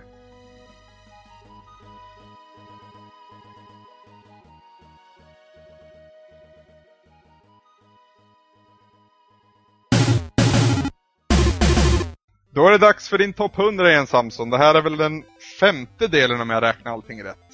Stämmer riktigt ja. Och efter den här delen så har vi avverkat halva listan, ska vi notera. Ja, tiden går fort alltså. Det går jäkligt fort, måste jag säga. Nåväl, den här veckan så är det alltså plats 60 till 51. Och på plats 60 så har du placerat Brutal Legend till Xbox 360. Mm. Ett jäkla nytt spel. Ja, det här är nog det nyaste på min lista. Mm. Eh, tror jag. Eh, det, är- jag skrev den precis efter att Brutal Legend hade släppts. Så att det är ju väldigt mycket av ett första intryck egentligen av spelet. Nu när jag har spelat lite mer så eh, har jag lite mer kött på benen. Jag skulle dock fortfarande placera det någonstans här. Det var det jag tänkte fråga. Mm. Så ofta säger de här första intrycken lite missvisande. Särskilt när det kommer till Tim Schafer. Jag har ju typ världens särskilt när det kommer till, till folk man liksom avgudar. Jag vet att jag tyckte att Metal Gear Solid 2 var världens bästa spel ett tag. Sen så fick det läggas lite. Det är fortfarande ett jävligt bra spel. Ja, vi ska komma till det här sen faktiskt. Och spoila lite nu då. Men Brutal Legend först och främst. Ja, alltså Brutal Legend är ju, eh, så som jag ser det så är det främst ett riktigt bra hack and slash-spel med fantastiskt manus och superba skådespelarinsatser. Tycker du verkligen att det är så bra hack and slash Eh, nej, hack and slashen tycker jag är okej, men det är fortfarande ett bra spel och det har så pass mycket i sin presentation som helhet att man kan ta att det inte är en perfekt hack and slash. Mm. Sen så har jag fått jättemycket kritik för liksom hur det funkar som en RTS då, för det är ju i grund och botten är det strategiskt spel väldigt mycket. Ja, det finns ju strategiska inslag om man säger så i alla fall. Ja, men nästan alla stora fighter är ju strategifighter liksom. Ja. Eh, dock så tycker jag att den mest lönsamma taktiken på, på slagfältet det är ju delvis att skicka ut förstås liksom minions att göra ett si och så i sann liksom command and conquer-anda. Men det du framförallt tjänar mest på det är att du hoppar ner som Eddie mitt i fighten själv och går lös med hammaren liksom. Mm. Lyxan. Mm. Eh, Så jag skulle säga att det är inte ett renodlat RTS heller utan det är ett liksom tredjepersons actionspel med RTS-inslag snarare. Ja, det är ju det är inget av det här som kännetecknar Brutal Legend i min bok. Utan det är ju snarare humorn, Jack Black och framförallt då Tim Schafer. Mm. Eh, Jack Black ska också tillägga att jag är ett, ett ganska stort fan av Jack Black men jag är ganska less på honom.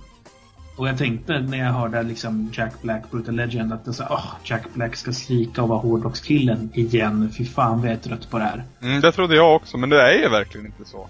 Precis det jag skulle komma till. Han gör ju en för jävla bra roll. Alltså man, man gillar verkligen Eddie Riggs. Alltså man har verkligen, han får en speciell plats i ens hjärta och sen, eh, det är liksom Storyn är ju en ganska så här, löst sammansatt berättelse.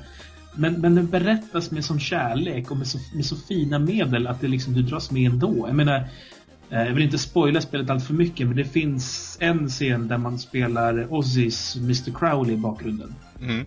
Och Den är, alltså den är så stark den scenen. Man sitter och liksom ryser med över så här, det, låten kommer helt perfekt och det som händer på bilden är liksom perfekt tajmat och det är så känslofullt och det är så starkt liksom. Så det vinner ju jätte, jättemycket på att det är så bra regisserat det här spelet. Ja, och så sen en annan faktor också. Soundtrack är ju superbt för någon som, som någon gång har gillat hårdrock. Ja, eller har öron skulle jag vilja säga. Ja, jo. Alltså, man behöver inte vara hårdrockare för att gilla ett sånt här bra soundtrack. Nej, de har ju verkligen valt ut låtar som är liksom gränsöverskridande bra. Mm. Det, det, du, du hör ju liksom inte eh, låtar som bara hårdrockare skulle gilla det, utan du hör ju en väldigt bred bild. Mm. Jag hade ju skrivit min topp 100-lista redan när, när det här spelet släpptes. Så det finns ju av förklarliga anledningar inte med på min lista. Dock så har jag svårt att se att det skulle få plats ändå. Jag, jag tycker ju att det är jäkligt bra spel, men jag vet inte om det är topp 100 bra i min bok. Nej, min är det, men jag tror att i mitt fall handlar det mest om att det är Tim Schafer. Ja, jo. Så det, det, det blir ju en topp 100-favorit. Jag är, alltså, på en topp 100 av de bästa spelen någonsin tror jag inte spelet är med, men på min topp 100 över mina favoritspel är det garanterat med. Precis, det handlar inte bara om hur bra spelen är, utan också hur mycket hjärta, eller hur mycket, hur stor, hur stor plats i sin, sitt eget hjärta det får plats helt enkelt. Mm. Nåja, vi går vidare. Plats 59 så har du Mega Man 3 till Nintendo 8-bitars. Jajamän, den blå bombaren. Ja, väldigt, väldigt långt ner om man säger så. Ja, alltså Mega Man 3 hamnar här. Eh, dels för att jag tycker att Mega Man 2 och 1 är bättre. Ja, jag håller delvis med dig där. Ja, eh, det, det, om detta tvistar ju de lärda. Just trean har jag inte riktigt fallit för på samma vis som de första två spelen. Så det är mycket det som gör att det hamnar på plats nummer 59 och inte högre upp. Det skulle ju kunna hamna högre upp egentligen. Mm. Sen är det också det att i och med att det kommer finnas fler Mega Man-spel så eh, behöver man ju liksom differentiera dem lite mer när man tänker efter. Så Okej, men hur mycket gillar jag egentligen Mega Man 3? Är Brutal Legend bättre eller sämre? Okej, det är lite sämre. Eh, Du förstår vad jag menar. Man får ju liksom tänka så, så att man verkligen placerar spelen precis där man vill ha dem. Och ja, nummer 59 blev det på Mega Man 3. Eh, inte på något sätt ett dåligt spel för det, utan bara eh, inte det bästa i Mega Man-serien, men fortfarande ett jävligt bra spel. Jag tycker att eh, det, det känns, jag, det jag tänker lite hur Capcom tänkte när de gjorde trean. Det känns som att det skulle vara det sista Mega Man-spelet på ett tag i alla fall. Som att det är liksom the final showdown med Dr. Wily. Du, du, du möter först åtta olika bossar, sen får du möta alla bossar från Mega Man 1 igen och det är massvis med sånt där och Protoman dyker upp och det Mega Man 2 menar du? men vad är inte här, ettan. ursäkta. Ingen fara. Ja, jag tänker inte klippa bort det där. Jag, jag tänk, inte, låt det vara. Det är väl trevligt att vi säger fel ibland också. ja, eh, det är ju du som är bäst vision som sagt. Messerschmitt. Messerschmitt. Plats 58. God of War 2 till Playstation 2. Här är ju ett tungt jävla spel alltså. Ja, också väldigt långt ner på listan. Ja, men det har ju också sin anledning. Jag tycker God of War 2 var ett jävligt, jävligt coolt spel. Alltså det släpptes ju i Playstation 2s sista riktiga andetag. För att det görs ju fortfarande Playstation 2-spel, men de är ju liksom inte riktigt på riktigt idag. Det är ju inget av de spelen som för utvecklingen framåt kan man väl säga. Nej, precis. Medan God of War helt klart gjorde det. Mm. Um, God of War 2 är ett fantastiskt bra hack and slash och det här är ju den moderna eh, versionen av de gamla sidskrollande beat'em upsen. Mm. Eh, jag har länge funderat över liksom, vad tog den genren vägen? Och, och från att ha varit liksom den, en av de största genrerna på 16-bitseran så har ju hela hack and slash sidskrollande varianten, den har ju brottats ner. Nu finns det mer eller mindre två sorters spel som följer den här mallen. Och det är dels God of War och dess många kloner. Mm. Eller så är det eh, Devil May Cry och dess kloner. Mm. Och det är ju extra aktuellt idag då när vi har till exempel Dantes Inferno och Bayonetta på invägar och även då God of War 3 förstås, det ska man inte glömma. Det blir en spännande show, showdown i, i början av nästa år alltså. När Bayonetta och Dantes Inferno och framförallt God of War 3 släpps med, ja, inte dagen efter varandra men inte så långt därifrån heller va? Mm. Misstänkligen så är det God of War som kommer komma ut som den stora av de tre.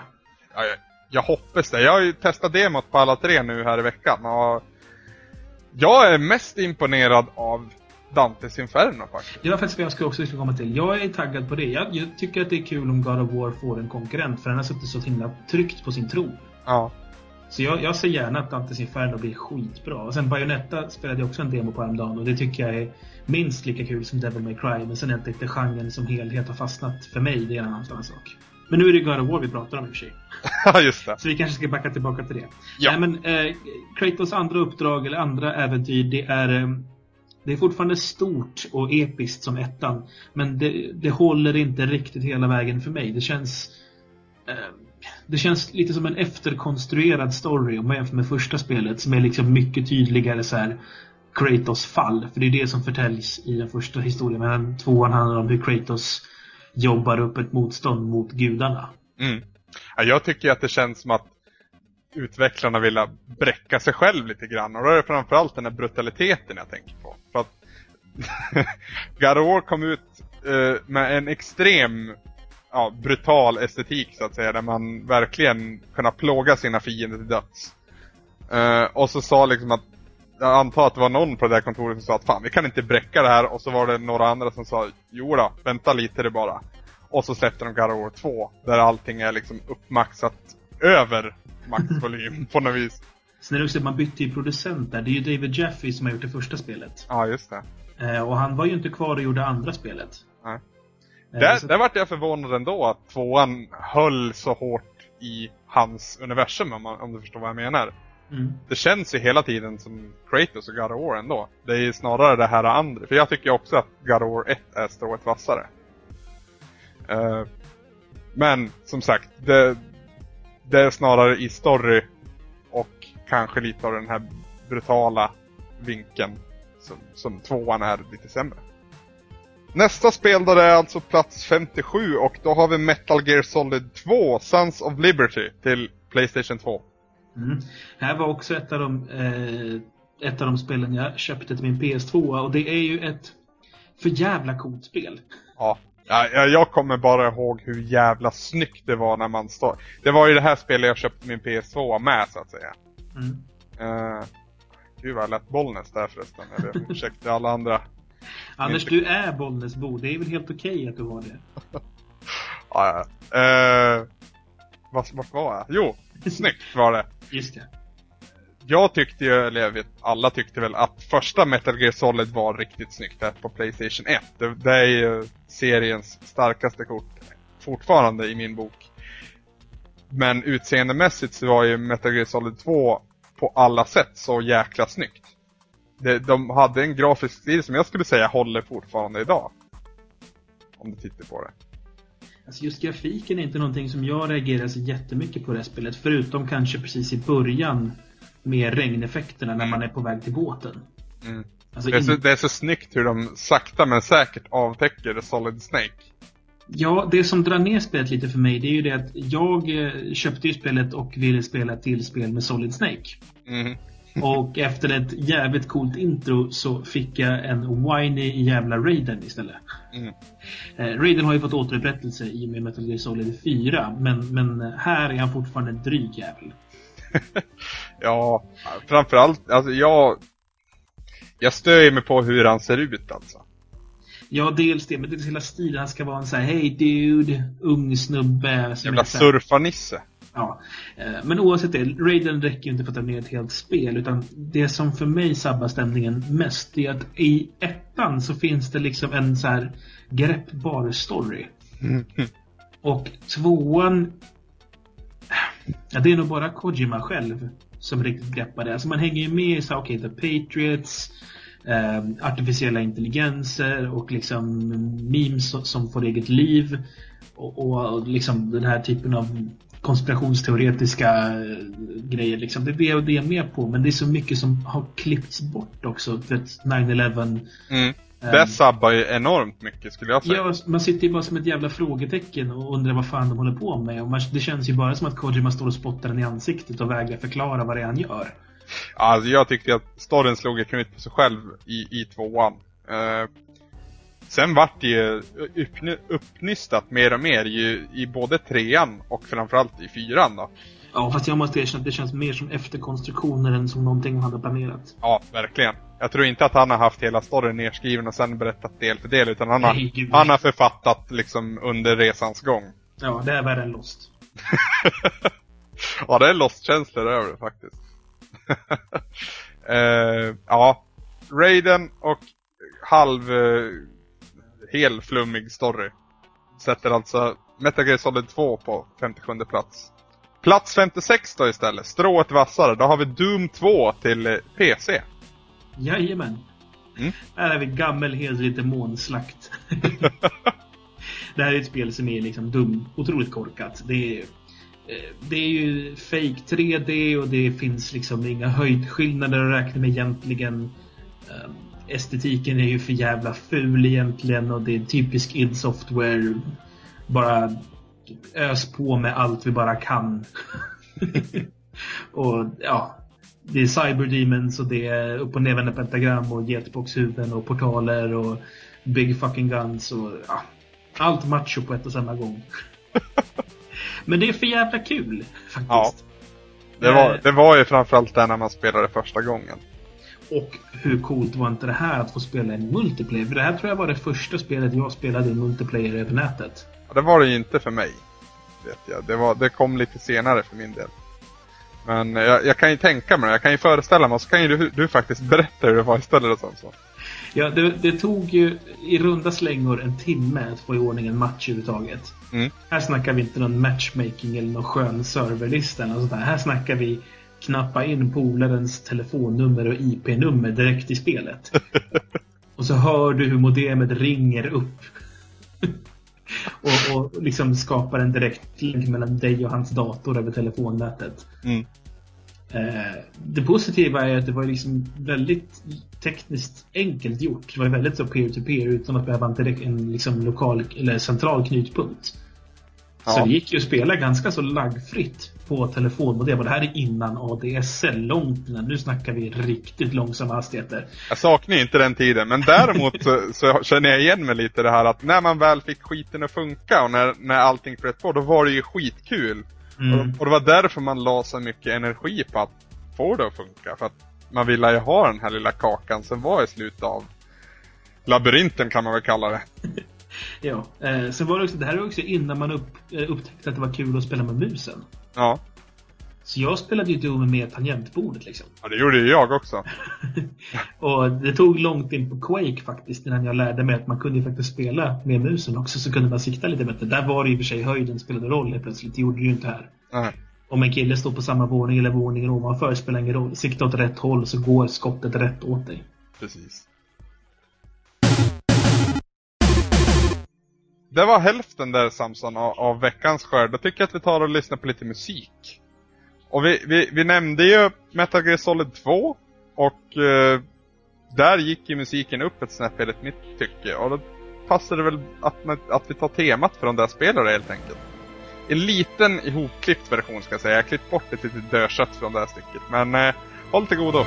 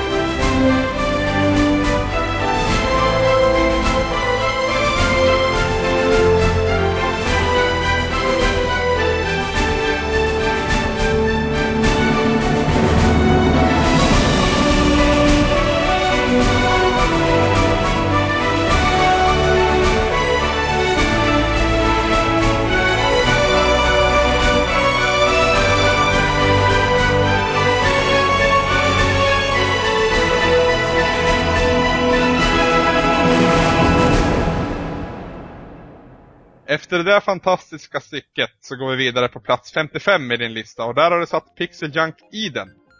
Mm. Det här är alltså ett nedladdningsbart eh, indiespel kan man säga till Playstation 3. Jajamän. Ehm, det här är väl ett spel egentligen som inte är så mycket till spel utan det är för mig är det mest bara så otroligt avkopplande och skönt. Lite flower-känsla där med andra ord. Ja, fast det här går också att lira ganska perfekt i co-op. Mm. Eh, haft otroligt många sköna stunder. Man bara slår sig ner och bara zonar ut helt och hållet. Vet, man märker ingenting, man bara sitter där. Det är liksom... Det suger in mig på något vis.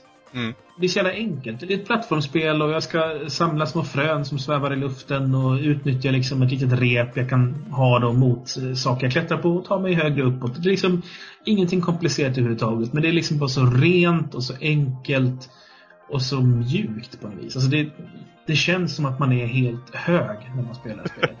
Ja, jag tycker det är kännetecknande för hela Pixel Junk-serien egentligen. Nu har jag inte spelat i den vidare mycket och jag har heller inte spelat Racers. Eh, men min favorit i serien då istället det är Pixel Junk Monsters. Och det är ju det är inte samma spel men det är samma känsla du får av det. Det är det här perfekta uh, mittemellan-spelet så att säga. Mm. Eh, när du vill koppla av ett tag och spela någonting eh, avslappnande och, och väldigt gulligt och behagligt. Och det är ju verkligen både Pixel Junk Eden och Pixel Junk Monsters också. Mm. Dessutom är båda roliga co-op. Mm. Har du spelat någonting av Pixel Junk Shooter? Ytterst lite, pytte, pytte lite grann. Och det känns mycket mer på allvar. Det är inte alls lika avslappnat tycker jag. Okej, jag, jag ska testa det snart hade jag tänkt. Så vi får väl se vad vi tycker om det här då.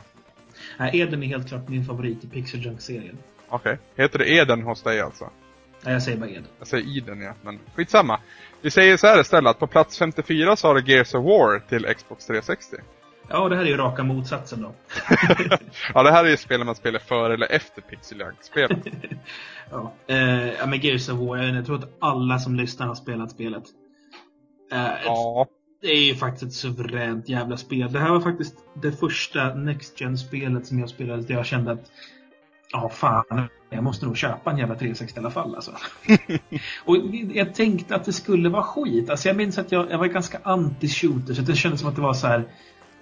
Det här, det, ja.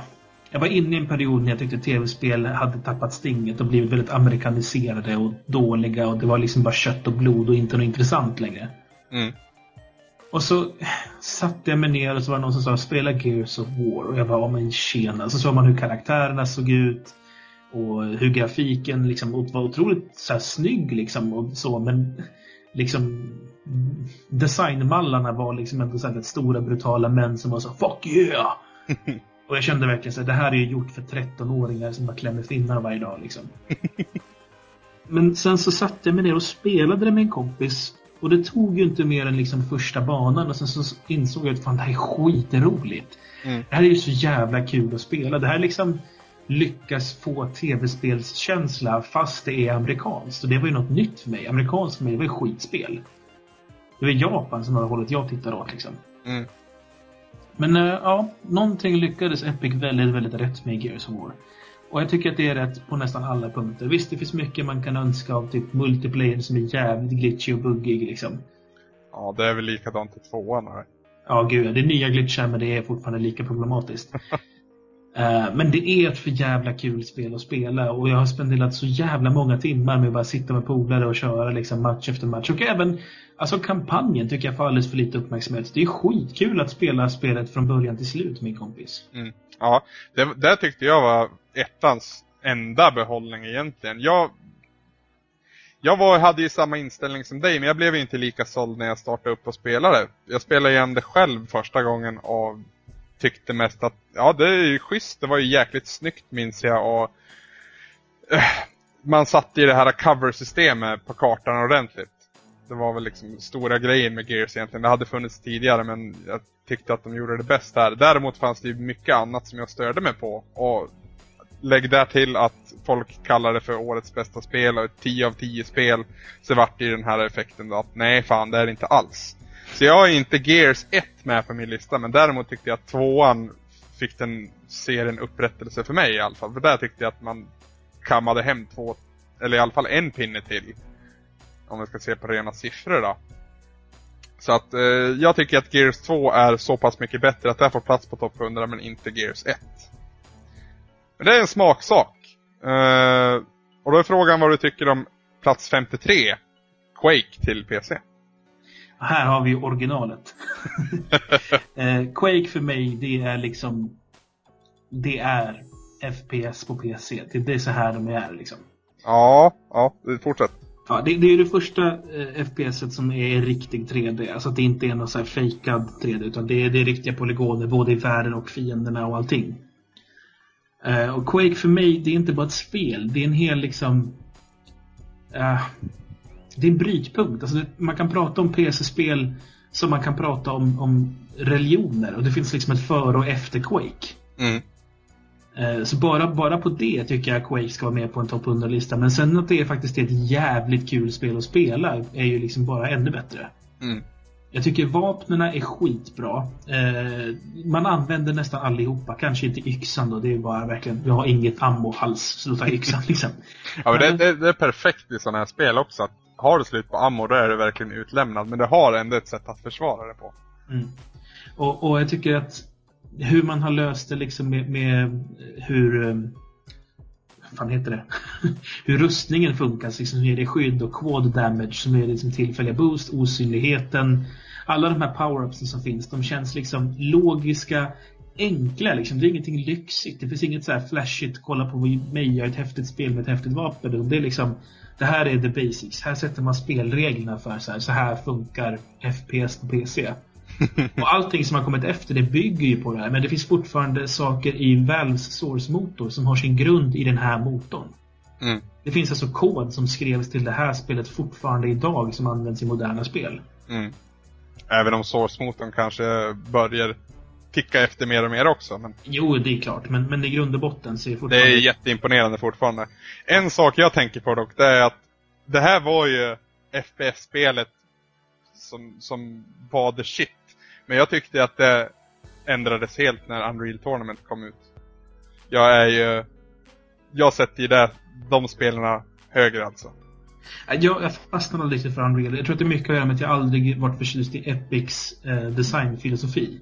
Det, det är ett väldigt personligt val från min sida också för att det handlar om att vid det tillfället när det spelet kom ut så hade jag jag själv en, en ja, för den tiden bra dator då, och dessutom några kompisar som hade likartade ja, prestanda på sin dator så att vi kunde ju spela det här multiplayer. Vi hade ju inte liksom utnyttjat Quake och det som var innan på, på samma sätt som vi gjorde just vid Unreal Breaket där så att säga. Så Mm. det, det vart ju väldigt personligt för mig då att det, då var det riktigt jävla grymt.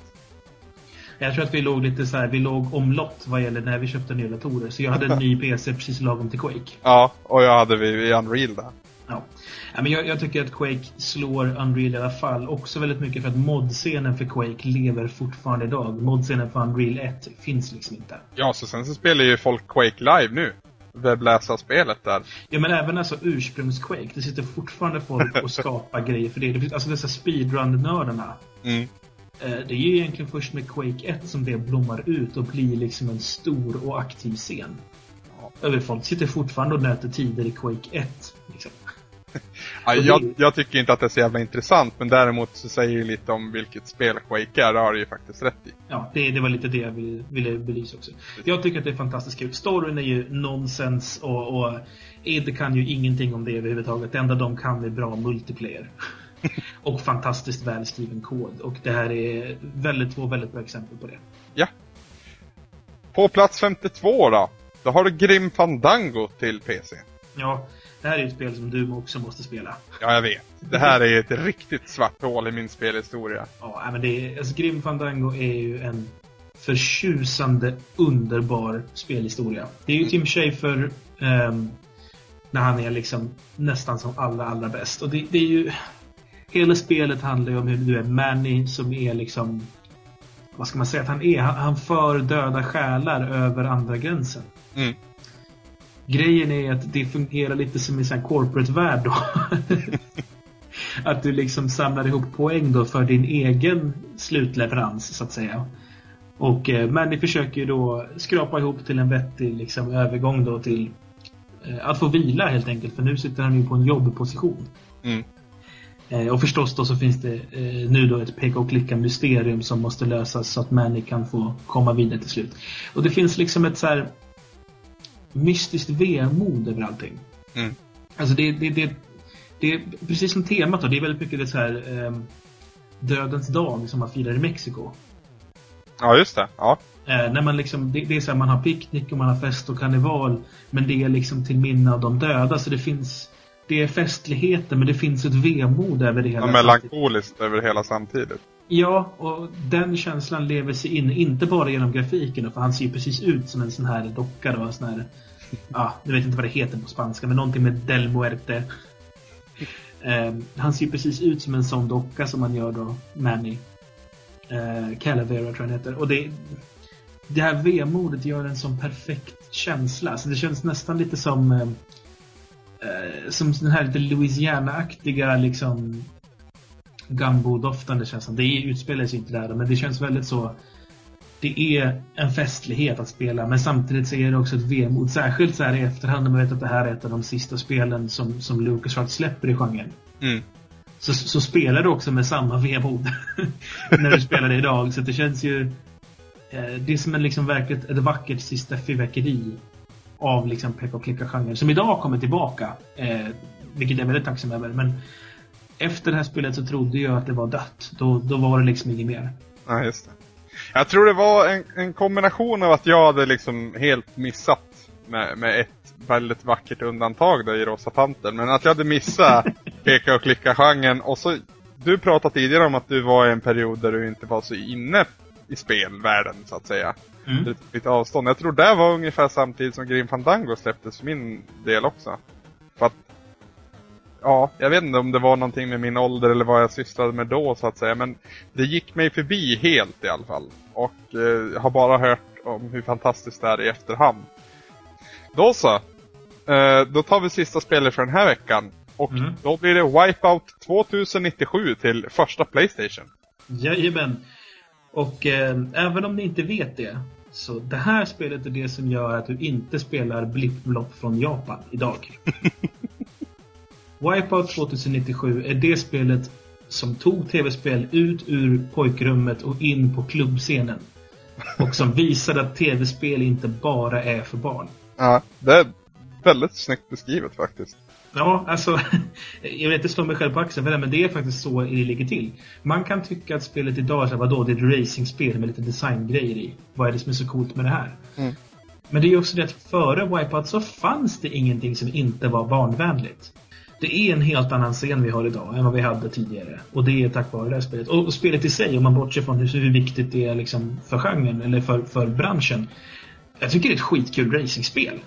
så jag köpte Wipeout 1 först för att det hypades. Och det spelade jag och då tyckte jag så här, ja men det är väl kul men det är väl inte något jättemärkvärdigt så. Men det var snyggt med designen och liksom Designers Republic har gjort det och, och Chemical Brothers gjorde musik till. Det var ju häftigt. Mm. Eh, sen så släppte de tvåan och tvåan gjorde allting helt plötsligt skitkul också. alltså banorna var bättre designade, det var roligare skepp, det fanns en massa gömda saker, Piranha-teamet fanns med, musiken var om möjligt ännu bättre. Jag hittade gruppen Future Sound of London. Eh, som jag fortfarande idag tycker är en av de bästa musikakterna som finns. All right. Eh, Det är en sampling från dem vi använder i savepunkt när vi byter ämne till exempel. Eh, och det, det är liksom tack vare det här spelet som jag överhuvudtaget hittar dem. Och det är, eh, det är liksom ett väldigt, väldigt, väldigt komplett racingspel utan att vara ett klassiskt racingspel. Mm.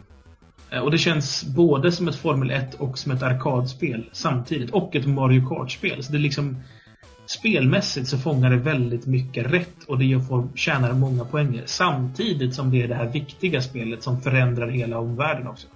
Ja, jag tycker det prickar jäkligt bra när du säger att det är liksom Mario Kart och Formel 1 samtidigt. För att det går inte riktigt att placera Wipeout. När liksom det är jätteenkelt att placera Mario Kart och ja, Gran Turismo då, till exempel. Mm. Så det här svävar någonstans ovanför allihopa och är någonting mer än ett, ett Anders, racingspel. Anders svävar. Really? Ja. Ja, Jag bara tänkte dra ett ordskämt med det. Inte medvetet, men det vart ju roligt ändå nu. Ja, okej.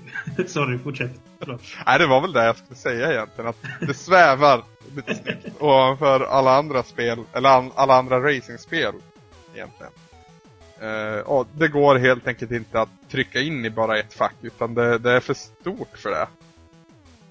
Jag tycker inte uppföljarna har hållit måttet egentligen. Idag är spelen snyggare och snabbare.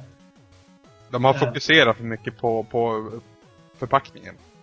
Ja, alltså det känns också lite som att den här estetiken som finns i Wipeout, det som gjorde den bra var inte att den var liksom, åh kolla den är klubb. Den är liksom, man tänkte sig att man var i Storbritannien på någon häftig underground liksom dubbklubb.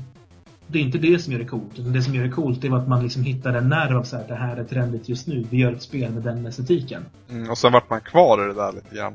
Ja, nu känns ju spelet verkligen fast i 90-talen. Alltså även de nya spelen, det känns som att Wipeouts styrka är inte att det är klubb, utan det är att det ska vara trendigt. Och när man inte längre har klubb som trend, då är det dags att byta också. ja, jo, jag tror du satt spiken i kistan där faktiskt. Och vi klubbar igen din topp 100-lista för den här äh, gången. Och nu ska vi inte gå vidare på vilket spel vi ska spela härnäst. Hör och häpna. Vad gör du? Vad händer nu? Nu är, Ja. det, någon slags förändring här. Förändringar är på gång. Oj, oj, oj.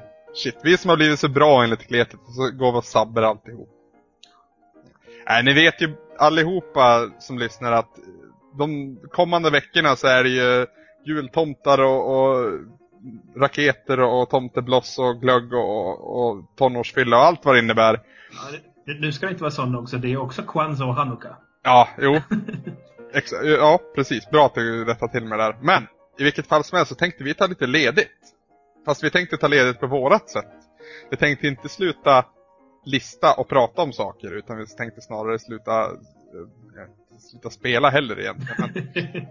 Men vi tänkte helt enkelt göra som så att i och med att Samson nu har 50 spel kvar på sin lista, så gör vi helt enkelt till julafton en liten julklapp där ni får 25 spel att lyssna på, alltså plats 50 till nummer 26 då.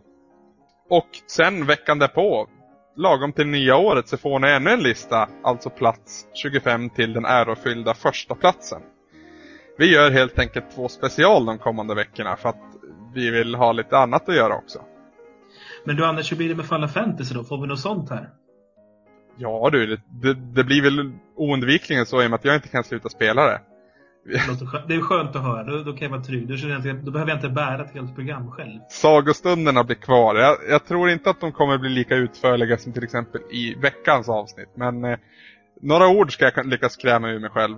Vad vi kommer spela som nästa spel det blir istället då uppnystat och avtäckt i, ja, vid, vid nästa år helt enkelt.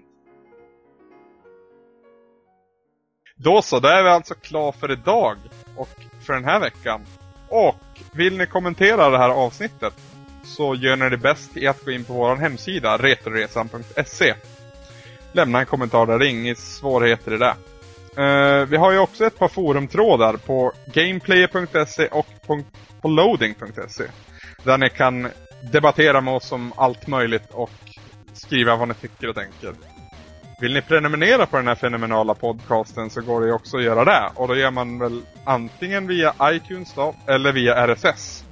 Och info för RSS-feed och allt det där det finns ju på vår hemsida än en gång. Slutligen kan man ju också mejla oss och då mejlar man till retoresan.save.se Vi har från och med igår, tror jag det också var, eh, en Twitter faktiskt. Vi har gått upp ett, ett kliv i hur pass avancerad vi är. Eh, vi tänkte twittra lite, vi har en liten box på hemsidan där ni kan se vad vi håller på med. Annars, om ni vill gå in och följa hela vår Twittersida så är det alltså twitter.com retroresan ni ska gå in på. Så finns vi där och tycker och tänker och gnäller väl mest skulle jag Nej men alltså tanken är väl lite att vi dels kan ta emot feedback. Ja. Ehm, det som är roligt med Twitter är att det funkar i realtid också på ett helt annat sätt. mm. Så där kan vi ju till exempel göra så att när vi kommer till inspelningsdags så twittrar vi att säga hej, har ni några frågor till oss så kommer de nu. Precis, så att ni blir halvt live med i programmet så att säga. Ja, lite som att ringa in till Loket, fast eh, ändå inte riktigt. Nej, just det. Eh, information om allt det här jag nyss har rabblat upp, det finns ju som sagt på vår hemsida retoresan.se. Då så, då tror jag vi var klara för idag. Då säger jag så här att jag heter Anders. Jag heter Samson. Målet är ingenting. Resan är allt.